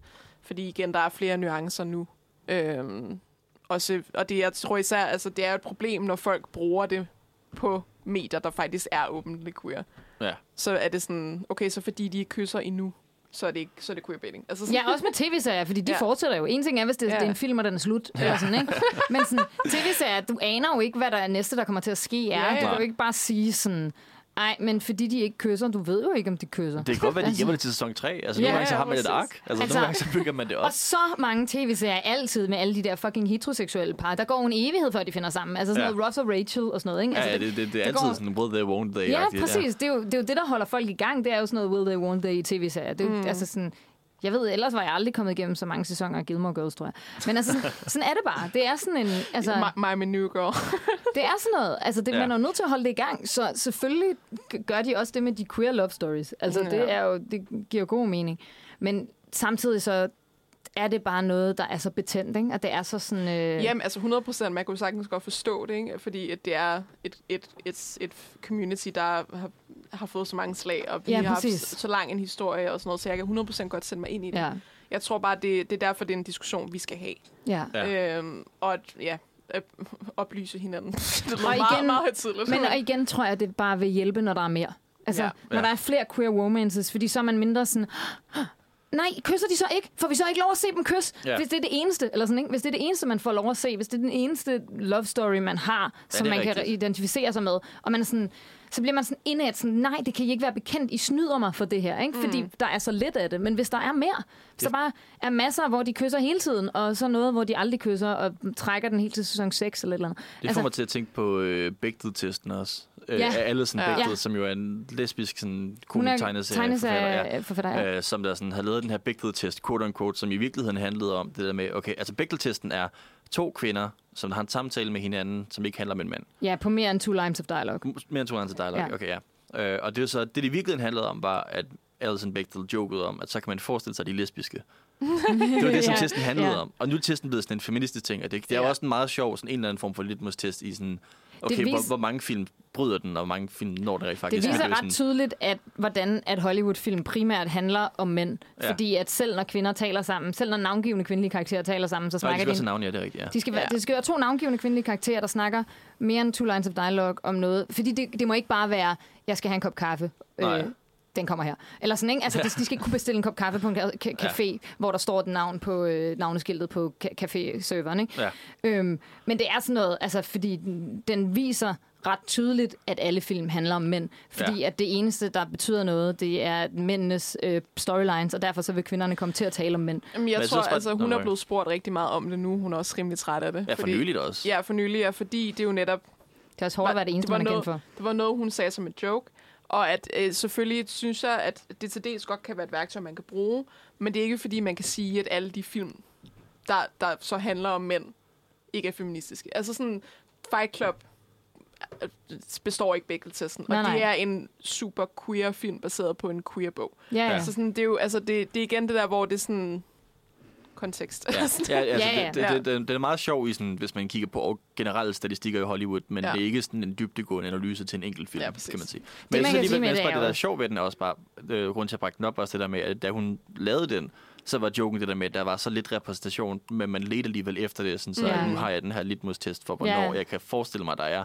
Og det var også der, hvor det sådan, altså igen, når man har så lidt, sådan så, at hvis, hvis de to queer-karakterer ikke kysser, så betyder det noget, fordi den eneste gang, du rent faktisk får lov til at se dig selv på tv, var her. Ja, ja. Så det er også igen det der med endnu et argument for, hvorfor det er fedt at have så meget som muligt. Fordi ja. selv hvis Ja. det ender med, at det ene er dårligt, så har man noget andet i stedet for. ja. Fordi Ja. at på et tidspunkt, så havde man intet, og man skulle sidde Ja. og forestille sig, at to kvinder var lesbiske, baseret på ingenting. Baseret på det faktum, at de havde en samtale, der ikke handlede om en mand. Ja. altså sådan, Ja. Hvilket jo er absurd. Altså, jeg, jeg, jeg er totalt... Jeg sidder altid og tænker på Bechdel-testen, når jeg er inde og se en Hollywood-film, fordi det er så få, test, så få film, der består det. Og jeg tænker også på det i forhold til, øhm, øh, hvad hedder det, folk, der ikke er hvide. At, at sådan, fordi ja. man kan sagtens overføre den til, Ja. at to folk, der ikke er hvide, skal snakke om noget, noget andet end en person, der er hvid. Ja. Ja. Og det sker også rigtig sjældent. Altså sådan, det viser bare virkelig, hvordan det bare er hvide mænd, som plottene... Altså, altså alle de der Marvel-film, der er virkelig få, der består den. Ja. Øh, alle Christopher Nolans film består den ikke. øhm, Vi skal ikke hate så meget på Christopher Nolan. ej, undskyld, det er mig. Det er mig, det er mig der har svært ved Christopher Nolan. Jeg elsker Inception. Det var den bedste film, jeg så det år. Det, jeg, men ja, han ja, har svært er- ved kvinder. Han har svært ved at skrive mere i en kvinde. Ja, ja, og de er altid onde. Han har sådan en femme fatale ting. De er så nederen. Altså sådan... De, han, han, ej, ikke, ikke Interstellar, der er de ikke nederen kvinderne. Men sådan i, i Inception, og nu var jeg lige inde og se Oppenheimer, og jeg var sådan... Okay, wow, you have a problem with women. These women are so unlikable. Jeg lide at blive blond. Ja, til aller, aller sidst fik hun lov at være fed. Men ellers så de eneste scener, vi så hende, det var, at hun stod og drak sig stiv og ikke tog altså, af sine børn, der græd. Altså sådan, ja, okay. Jeg det var først det aller sidst, at man fik lov til at se, at hun kunne noget. Og der Hun gjorde hun det så sidst, ja. fucking godt. Og Emily Blunt er så pisse dygtig. Så jeg var sådan, vi har haft tre timer I kid you not, tre timers film med 117 mandlige karakterer, som vi alle sammen skulle have præsenteret meget hårdt, øh, øh, hurtigt og kort, og vi når ikke at vide særlig meget om nogen af dem, men vi skal have dem alle sammen til lige til at snakke lidt og vide lidt om, hvad de vidste om atombomben. Ja. Men Emily Blunt, som jo helt tydeligt virkelig har sat sig ind i den her karakter, og virkelig har haft mulighed for at gøre noget fucking fedt, hun får først lov til at spille det ud til allersidst i filmen, og hun spiller hans fucking kone. Mm. Jeg var så sur. Okay, og det, er, det er lidt en tangent, det her, som ikke Det er en kæmpe tangent. Det har Jeg bliver også lige nødt til at sige, at jeg kom til at grine der, hvor de introducerede den eneste kvindelige videnskabsmand. Ja. Fordi det også bare var så token. Sådan, Ja. Nu smider vi lige ind, og så tror jeg, de har en eller anden joke om sådan... Og de spørger hende om, om sådan, nej, de siger sådan, "Nå, skal du virkelig stå så tæt på alt det her radioaktivt, kommer det ikke til at påvirke din livmoder, eller et Ja. eller andet sådan random. Ja, ja. Sådan, ja. Ja. bare sådan en enig karakter, som også lige er der, fordi ja hashtag bare for at være feminism. det. Ej, ja. men det Åh, oh, oh, ja. Nolan. Jeg havde Ja. det presset med det, det vil jeg sige. Og det It's behøver so- vi ikke snakke om, men jeg havde See, det presset med det. he's, he's just like the ancient Greek. He hates women so much that he's gay. um, jeg skulle, jeg, jeg var, det var en, en anden tangent med det der Bechdel-test. Jeg må bare sige, at Bechdel-testen har gjort det gode med, at, øh, at jeg og nogle andre på internettet har, øh, har opfundet the reverse Bechdel-test. Ja. Som at, øh, når jeg ser en film, hvis to mænd ikke snakker om en kvinde, så gider jeg ikke se den. Hvilket er obvious en joke. It's, it's not like that. Men øh, ja, det er, en- det er jo en anden test, man kan lave på film. Det er rigtigt. Om, om mændene der, nogensinde jeg tror, snakker der om er kvinderne. rigtig mange, for eksempel The Godfather, hvor de faktisk snakker om kvinder. Ja, Så, øhm, så det kan man godt bruge. de faktisk snakker om Hvor kvinder. de Men det faktisk kunne, måske, men det kunne måske også være sådan en, en, en reverse Bechdel-test, hvor de snakker om kvinder, men de ikke beskriver hendes krop. Ja, Sådan, de, i de snakker om kvinden. I Godfather, der snakker de om en datter på et tidspunkt. Ja, ja, det er det. Ja, Men Så den det- består. ja. Det består det, ja. Der er nogen, der har et barn, der er en kvinde. Der er nogen, der har et barn, der er en kvinde, faktisk. Wow. Wow, Ja. sindssygt. Øhm, tilbage til queer. Tre, Tilbage jeg til tror, vi queer. kom Ja, lidt på en tangent. ja. Øhm, ja, hvad var det, vi skulle sige nu? Ja, nu blev Ja, det sådan helt... Øh, Vi har jo ræst rundt i mange emner. Jeg havde Vi jo masse faktisk, jeg havde faktisk noget, jeg ville sige med det der med Emmys, faktisk. Men så kom Nå vi ja. væk fra det. Jeg skal gå tilbage til Emmys, for der er i hvert fald det med... Øh, Ja. Jeg vil gerne sige The noget. Last of Us. Skal vi gå tilbage til Emmys? Ja, jeg vil gerne sige noget om Bella Ramsey. ja. Fedt. Sig noget Go om Bella Ramsey. Øh, Bella Ramsey er non-binær, hvis folk ikke vidste det. Ja. Bella Øh, Ramsey, som spiller øh, Ellie som i spiller The Last Ellie. of Us. Ja. Øhm, de spiller en... Øh, Ellie, hun, hun, Ellie, hun er... øh, Hvad fanden er hun? Er hun 12, 13? Ja. 14, ja. Jeg, Ja, jeg ikke tror måske noget 14 der. deromkring. 12, 13, 14. Ja. Jeg tror, hun er 14. Ja. Jeg tror, det er deromkring, ja. Øhm, det, det siger bare, hvis der er folk, der ikke har set serien, eller ikke har spillet videospillet, eller whatever, fordi mm. jeg Mm. har set Ja. det hele. Men Last of Us handler om Ellie øh, og så Joel, som spilles af Pedro Pascal, og det er sådan far-datter forhold. Øhm, men, men Ellie spiller så Bella Ramsey, som for nyligt, eller ikke for nyligt, men for noget tid siden kom ud som non-binær, og de bruger så kun de dem pronomner nu. Øhm, de er så blevet nomineret til Emmys, hvilket 100% de fortjener. Ja, de gør det så godt. De er hovedpersonen, Ej, de skal, de skal vinde. Så dygtige. Men ting er, at de er blevet nomineret som lead actress. Ja, ja. Øhm, hvilket I feel weird about. ja, ja. ja. øhm, og det er jo sådan en diskussion, som queer community også har, og som jeg ikke rigtig tror, der kan være en løsning på lige i øjeblikket. Øhm, fordi alle skuespilkategorier har altid været delt op i mænd og kvinde. ja.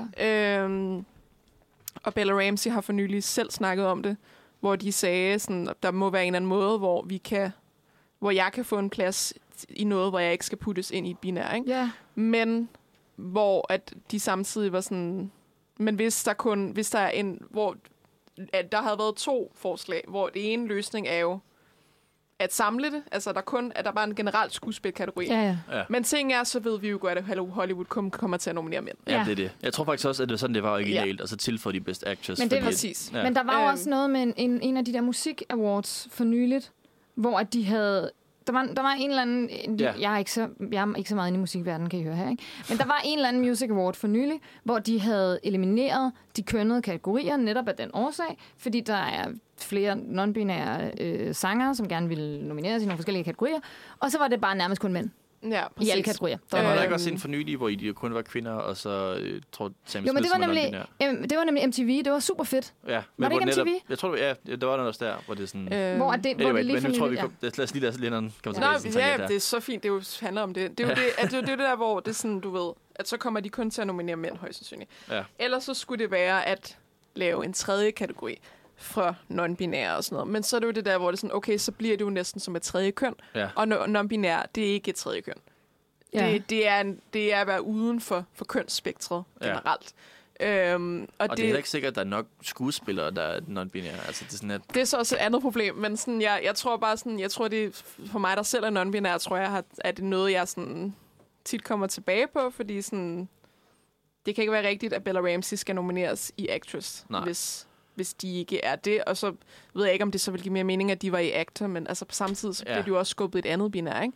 Ja, det, er Øhm. det. Og actor, altså, actor kan jo godt være et kønsneutralt begreb. Præcis. Ja, ordet actor. Ja, men Ja. ja. hvis vi så begynder at introducere de non-binære ind i Best Actor-kategorien, så synes jeg også, at det bliver mere nedladende over for Best Actress. For så er det Ja, bare sådan, så får I også en. Altså sådan, det ligger jo allerede lidt, altså det føles som om de gjorde det, men det er jo endnu mere, hvis vi så skubber alle andre derover. Ja, men det er jo det. Og så, det er jo præcis det, der, der er problemet, fordi så er der jo så for eksempel, øh, nu har jeg snakket om Yellow Jackets før, men Yellow Jackets er der også en, en karakter, der spilles af en non-binær person, øh, Liv, Liv Hewson. Øh, jeg tror, det også var House of the Dragon, hvor Ja. Emma, Emma Darcy, Darcy, ja. øhm, Som også er non-binær, Ja, som, som også også er er nomineret til en Golden Globe, tror jeg. Ja. øhm, For også for hvor, Best Actress, som også er sådan... Ja. Ja. Øhm, og Liv Hewson fra Yellow Jackets øh, er ikke nomineret til noget. Og det er vist en bevidst beslutning fra deres side af, at de ikke vil nomineres til, til en, binær Det er en binær til kategori. en binær ja. kategori. Øhm, og jeg tror, og det er jo der, hvor det er sådan, det er fandme ærgerligt, at de ikke skal kunne blive recognized af deres talent. Ja. Ja. Bare fordi de ikke vil risikere, at, altså fordi de ikke vil risikere at blive skubbet ind i noget, ikke? som Ja. de ikke vil. Øhm, og jeg tror, det er sådan en ting, som vi nok ikke rigtig kan finde en løsning på. fordi jeg ved ikke rigtig, hvad løsningen er Det er fordi, vi stadigvæk har en tendens til per automatik at øh, vurdere mænd som dygtigere. Og Og- derfor så kommer vi til, fordi nu googlede jeg det lige, det var Brit Awards, der i 2022 for første gang afskaffede de kønnede kategorier, Mm. altså den der britiske musikpris. Ja. Og så var det kun mænd, de nominerede til de Ja. fleste af awardsene. Ja.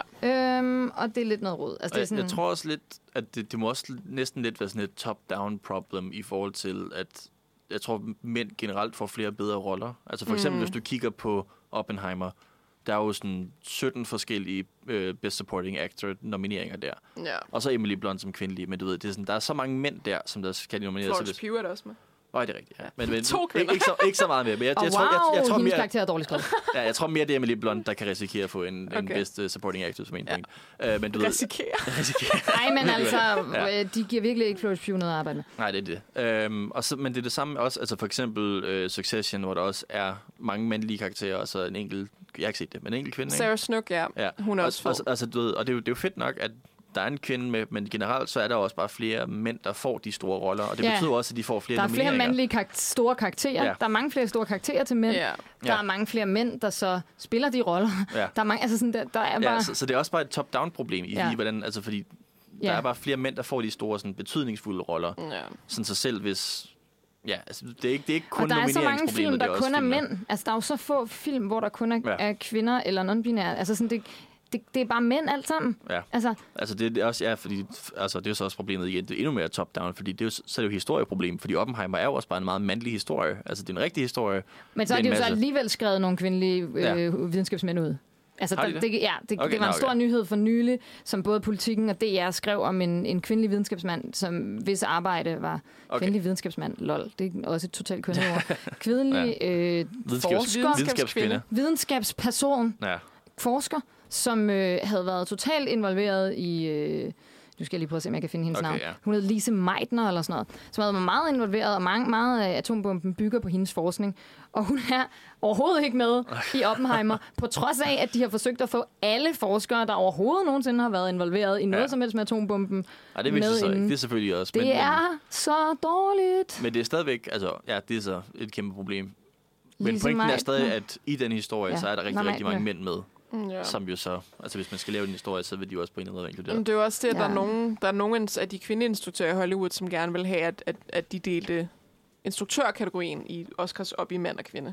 Og så kommer der jo igen det samme problem Ja. med, med non-binære og dem, der ikke falder Ja. ind i de, i de køn. Og der synes jeg, at der skal man løse det mere top-down. Der skal vi bare have flere kvindelige instruktører, og så kan de blive nomineret. Altså igen, det er, nu kommer vi tilbage til også det der med spektrum med flere dårlige film, flere gode film. Altså Ja. der, der er også mange kvindelige instruktører, der laver dårlige film, men fordi de er så sjældent får posten, så får de ikke lov til at få det samme spektrum, som mænd Nej. gør. Fordi der er med mange mænd, der laver dårlige film, men til en gang imellem, så kommer der en god en. Ja, ja. Sådan så det Ja, der med, altså vi skal have cirka 50-50 split, sådan så at der er kvinder, der får det samme spektrum af film, sådan, som en gang imellem får en, en Barbie eller whatever, som jo sagtens kan blive nomineret til alt muligt. ja. Øh, og så, ja, så, så løser det problem sig forhåbentlig af sig selv, i stedet for at man deler det op i to kategorier, som så, eller tre kategorier, hvis vi også skal have non-binære med igen, på den mærkelige Og opdeling. det er jo sådan, at på længere sigt bør vi jo ikke gå så meget op i køn. Altså Nej. sådan, i, den, i den ideelle verden ville vi jo kunne have kategorier, der var, ikke var binært delt op, fordi det er noget Ja. pis. Altså, Ja. Og det er totalt arbitrært, og det er Og noget, den vi selv har skabt. Ja. Altså sådan, det er fjollet. Men, men hvis, hvis vi skal det, så er, har vi bare brug for et samfund, der er mere utopisk end det samfund, vi har lige nu. Mm, ja. Ja. Og den filmverden, vi har lige nu, og den øh, ja, virkelighed, vi står i. Og det er bare rigtig ærgerligt. ja. Der er jo også, jeg vil, jeg vil lige sige det der med Barbie, med at du sagde, at den sagtens skal nomineres til ting. Der er jo også allerede folk nu, der siger, at den ikke skal nomineres. Eller sådan, alle film ikke behøver at nomineres, bare fordi den var stor. ja, det er rigtigt. Men, og det er jo... Altså ja, det er så meget går jeg ikke op i Oscars for at være ærlig, men altså det er jo Barbie selvfølgelig skal jo nomineres. Ja, ja, den skal lige have det. Greta Gerwig skal have sin fucking bedste instruktør Oscar nu. Ja, altså, det er jo egentlig imponeret, at Greta Gerwig ikke har været en, en nomineret før. Og Ryan Gosling skal have bedste supporting actor. Ja, wow. Ryan, Ryan Gosling virkelig acting his Bedste- ass off i den Marco film. Robbie og Ryan Gosling, my, my, my duo. Ja, Og så Killian Murphy selvfølgelig, som best actor. ja. Og så Jeg kan hende der fra Flower Moon, hun kan vinde best supporting.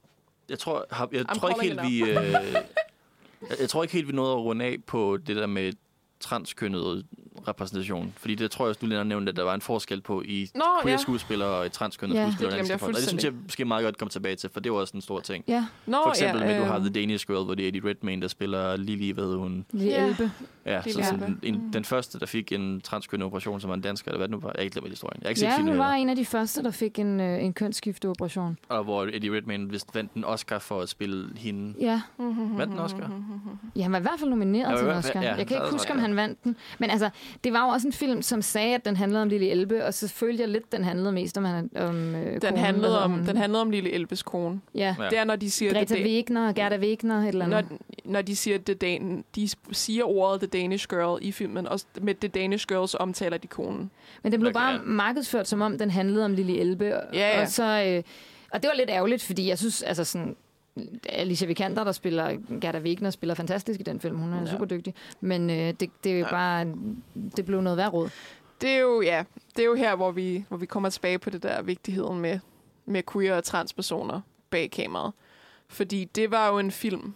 The Danish Girl, jeg ved, jeg ved godt, der er sikkert nogle folk derude, der kan lide den, og det er fint. Mm. Men The Danish Girl er en, en transkønnet film, lavet af heteroseksuelle mennesker til heteroseksuelle mennesker. Ja. Eller til, til ciskønnede mennesker. Ja. Og det er så tydeligt, når man ser den. Altså sådan, og det er især med mig, som selvfølgelig ser den med, med den linse, jeg ser den. Men jeg tror også, at hvis, hvis man går ind med den info, så tror jeg også godt, man kan se det på den måde. Og det er jo sådan der, hvor jeg føler, at der er et, der er et tydeligt split i det der med, at jeg synes ikke, det er særlig vigtigt, om, om queer mennesker spiller queer karakterer eller ej. Øhm, selvfølgelig er det fedt, hvis de gør det. Øhm, men hvor jeg synes, det med køn, synes jeg er noget helt andet med end seksualitet. Øhm, og jeg synes, at, at, at den, altså, jeg, for jeg synes, at det er den tradition, der har været med transkønnede film, hvor man tager Eddie Redmayne, og han spiller en transkønnet kvinde. Det har jeg et problem med, fordi så, så når jeg ser den, så tænker jeg, okay, så du ser hende faktisk ikke som kvinde. Du ser hende som en mand. Fordi Ja. du, du, du klæder en mand, en ciskønnet mand ud som en kvinde. Ja. Ja. Hvis, jeg, jeg, jeg, tror måske, jeg tror måske, jeg ville kunne tage det bedre. Jeg tror måske, queer community ville se det på en anden måde, hvis det var en ciskønnet kvinde, der spillede Lille. Ligesom i øh, Chandlers Mor i Friends. Det ved jeg ikke. Eller Chandlers far. Det, Nej. det er jo det, Chandler kalder det sin far. Altså, Chandlers... Okay, Ja. tangent. Lille, lille, lynhurtig tangent. Chandler i Friends. Ja. Hans øh, øh, far har foretaget en øh, transition og er en kvinde. Og bliver spillet af en ciskønnet kvindelig skuespiller. Mhm. Mm. Det var bare det. Ja. Okay, Og det, og det er ret sejt. Altså, så der er virkelig mange virkelig ubehagelige jokes, og Friends er virkelig ikke særlig flinke omkring det. Men den del af det, synes jeg gør det rigtig godt. Og hende, der spiller hende, spiller fantastisk. og Okay, jeg er sådan, det vidste jeg faktisk ikke. Mega fedt. Mm. Ja. Øhm, men ja, det, ja, jeg ved ikke, om det er et hot take, det jeg har. Men altså, det er sådan, jeg, jeg tror, det er sådan, fordi når jeg ser for eksempel The Danish Girl, og når jeg ser en anden, når jeg ser en, en sidst, ja, der var en eller anden dansk film for nylig, der handlede om en transkønnet kvinde. Jeg kan ikke huske, hvad det var. Og hvor øh, hele den snak selvfølgelig kom, og alle var sådan, om han er en god skuespiller, så det lige meget. Øhm, men sådan, du ved...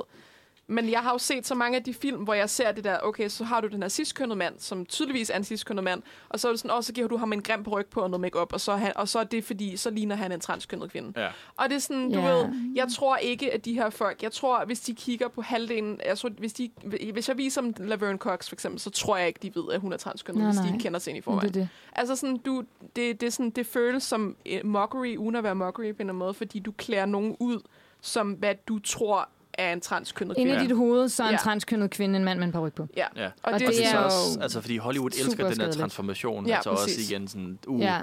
du ved, uh, Charlie Theron, der bliver grim i Monster og vinder en Oscar for det. Altså, Præcis. det er jo også fordi, det er en god præstation, men det er stadigvæk sådan, at de elsker bare det der med... At, At se nogen, der ser ja. ud på en måde, ser anderledes ud. Ja, ja præcis. Jamen, det- det Austin lyder Butler, fjollet, når man siger det på den måde. Ja, men Ja. Det, det, de elsker det. De synes, det er det fedeste Ja. i verden. De bliver sådan, det, det er ligesom et barn, der sådan, ikke har nogen objekt permanent. De sidder bare og klapper og sådan, bliver Ja. helt glad over det. Ja. Og det, det er bare det, de gør hver eneste gang. Og Ja. det, det føler også, det, det er det samme som i hvert fald... Det skete ikke så meget, i hvert fald ikke så meget, hvad jeg har observeret.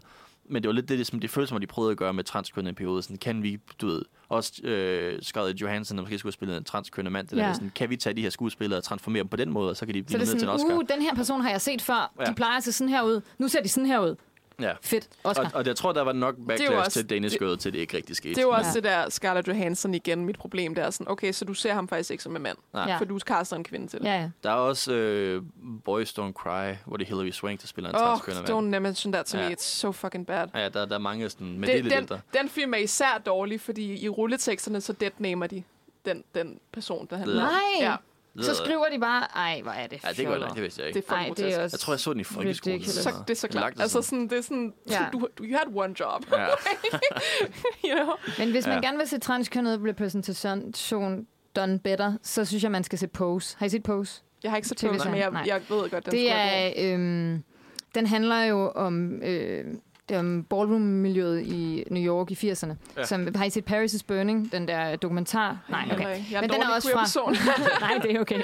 Det, øh, det, hvad hedder det, den handler om, om det samme periode. Den er med, inspireret af, af Paris' Burning, meget stærkt inspireret af Paris' Burning. Mm. Ja. Som er, var ligesom det her miljø, hvor at øh, sorte og latinamerikanske queer-personer, øh, især øh, homoseksuelle mænd og øh, transkvinder, øh, havde sådan et, et ret fantastisk øh, kreativt miljø mm. øh, i New York, øh, underground miljø, hvor hele det der sprog, folk ke- kender fra øh, RuPaul's Drag Race, det kommer ja. alt sammen derfra. Altså det der sådan Slay Queen, alt det der.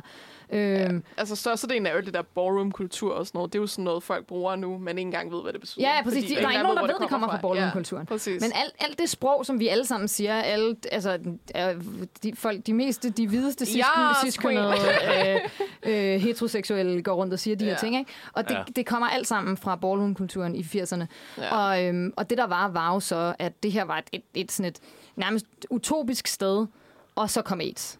Mm. Og så øh, blev det, altså sådan, var, faldt folk døde om på stribe, ikke? Ja. Så det er sådan en ret øh, vanvittig historie, og det er noget af det, som den der tv-serie Pose går virkelig meget ind i, og siger sådan, ser sådan den vanvittige skønhed, og sådan kreativitet, og sådan øh, kunstneriske øh, sådan smeltedeal, det her var.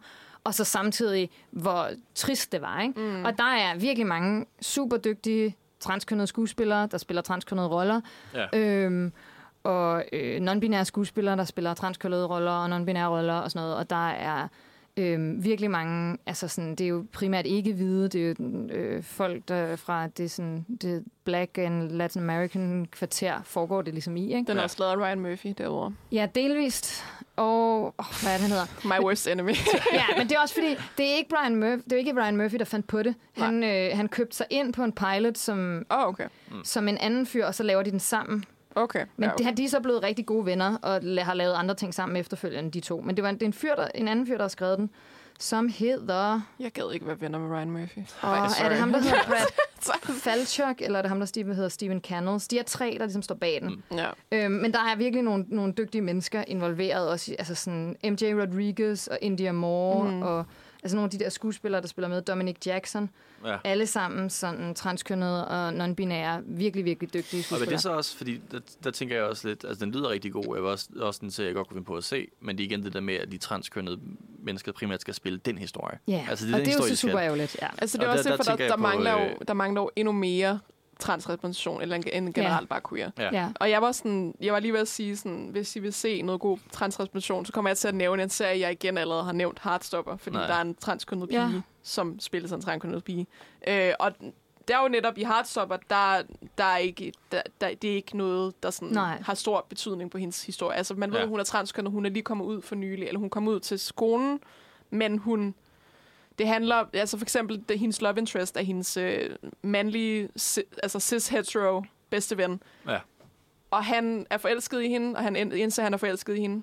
Og han har lige sådan lidt sådan, åh oh, nej, men jeg kendte hende som dreng før. Og sådan, nej, nej, he's just in love with her. Ja, and like, ja. he's, and he, she's always been a girl to him. And like, ja, it's, han har bare altid og- set hende sådan. og, så igen, og så igen det der stress der med, han er altså hetero. Altså sådan, Ja. han, han kan godt, han er, var sådan, fordi der er også nogle folk, der var sådan, om så er han ikke heteroseksuel. Jeg var sådan, jo, han er. Ja. Because he's in love with a woman. he Ja, det er meget det er ligesom. Shang i Mulan. Ja, præcis. Altså, Jeg kommer også til, der er sådan... Øhm, altså, der, var, der gik et rygte, og det er desværre kun et rygte, fordi det endte så med at være Florence Pugh, men der gik et rygte om, at Hunter Schafer fra, hvad er det nu den serie hedder? Det er hende, der spiller Euphoria? den transkøn. Euphoria. ja. Som generelt føler jeg er blevet lidt mere også en, en stjerneagtig. Lidt Ja. ligesom Laverne Mm. Cox også gjorde omkring Orange is the New Black, Ja. men så måske... Ja. Jeg har ikke rigtig set så meget for, for Laverne Cox i et stykke tid, føler jeg.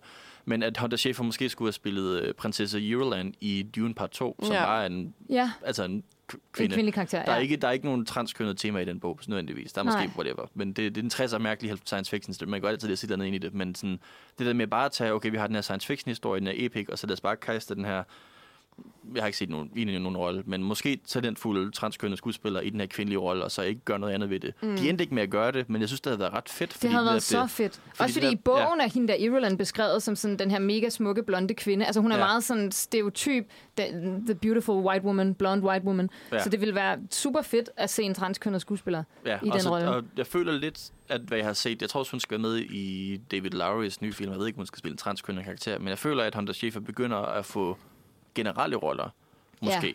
Ja. Og det igen, jeg har ikke set øh, noget med hende før, Nej. så jeg kan ikke rigtig jeg har ikke som set så meget med hende ud over det, men jeg tror, jeg tror hun er ved at få det. Ja. Øhm, Og det vil, det vil være et skridt i den rigtige retning, og det er jo selvfølgelig også, Ja. fordi hun er netop virkelig smuk og meget blond og meget hvid, så det er jo også, altså, i hun forhold er til, meget blond og meget hvid. Hun er i, nemt i forhold, der, ja. ja. i forhold til Ja. intersektionalitet, så er der jo Ja. et eller andet med, at det er måske også det, er kun Ja. det første skridt. Vi skal Ja, også ja. se alle de andre med. Men, Men, sådan, øh, men jeg synes også, der er noget vildt spændende i, når transkønnede skuespillere får lov til at spille ciskønnede roller. Altså når en Ja. transkvinde spiller en ciskønnet kvinde. Og det er jo sket også igennem, op igennem filmhistorien, men det er jo primært sket, fordi folk ikke har vidst, at de var Ja. transkønnede. altså Ja. sådan, der er jo sådan, jeg kan ikke huske, hvem det er, men der er sådan en eller anden kvindelig skuespiller, som sådan er transkvinde, men som bare folk ikke vidste, og som er sådan en that woman, der spiller biroller i alle mulige forskellige sådan, random film. Hun er med i sådan noget Cheetah Girls og spiller en lærer og sådan noget. Altså Ja. sådan helt am- almindelige, alle mulige film, hvor hun bare spiller sådan almindelige biroller, og så har øh, ingen vidst, at hun i virkeligheden var transkønnet. Og det er Ja. sådan, det er jo super fjollet, ikke? Men, men der er det sådan, haha, I er jo faktisk ligeglade. Altså sådan, ja. der er sådan, Hollywood, det, det, det betyder jo ikke noget for jer, faktisk, Nej. i virkeligheden. Så sådan, det kunne I jo så bare gøre. ja. Eller sådan. Nu, nu, nu har vi også, altså vi har syv minutter tilbage, så det Jamen, der var lige noget, jeg skulle sige, nu har jeg glemt det. Nå, okay. Undskyld, jeg kan huske det. Nej, det er okay. Bare snak. Det, det har ikke rigtig passet ind i nogen af vores tangenter, men jeg vil også gerne lige give et shout-out til øh, Wendy Carlos, som er øh, synthesizer, transkønnet øh, komponist, som har lavet soundtracket til The Shining og Clockwork Orange og den første Sejt. Tron-film og sådan noget. Og jeg er bare et kæmpe stor fan af synthesizers generelt, og hun er sådan en kæmpe pioner. Ja. Det har ikke passet ind i nogen af vores anekdoter, men jeg vil bare gerne lige uh, Bare sige, sige et shout-out. Ja, hun er er basically fedt. med til at opfinde den moderne synthesizer. Nej, hvor Og sejt. sådan virkelig teknisk dygtig Ej, hvor vildt. og øh, generelt god. Ja, sejt. Og har en virkelig fed hjemmeside også, vil jeg sige. Den er ikke blevet opdateret i 20 år. så det er sådan hende, der er lægger, ja, er hende, der lægger billeder op af sådan, hende, der tager billeder af planeter og stjerner og Ja. skriver alle mulige, laver magi tegninger og sådan noget. Ja. Hun hygger sig. Fedt. Grineren. Jeg synes også, Laverne Cox i The Orange is the New Black faktisk havde en, altså sådan den måde, hun var, især i starten, hvor hun bare ligesom var, altså hvor det ikke var så vigtigt, at hun var transkønnet. Altså, det var ikke Ja. sådan en del af hendes storyline. Det var bare sådan, hun var bare frisøren, og så var hun også transkønnet. Ja. Nu Altså- kan jeg huske, hvad jeg skulle sige. Oh my God. Ja, Sorry. Jeg var sådan, wow. det er I got it. Det er fordi, vi snakkede om den der Talk to Me, inden vi startede. Nej. Den årets mest indtjenende gyserfilm var bare Talk to Me. Ja. Øh, hvilket er lidt sjovt, fordi jeg har givet den tre stjerner i min anmeldelse. Whatever. Um, anyway, den er blevet forbudt i, hvad fanden var det? Jeg ved ikke, om det var Afghanistan eller et eller andet, land. et eller andet land. Så blev den forbudt, fordi en af øh, birollerne øh, er trans, en transkønnet kvinde. Mm.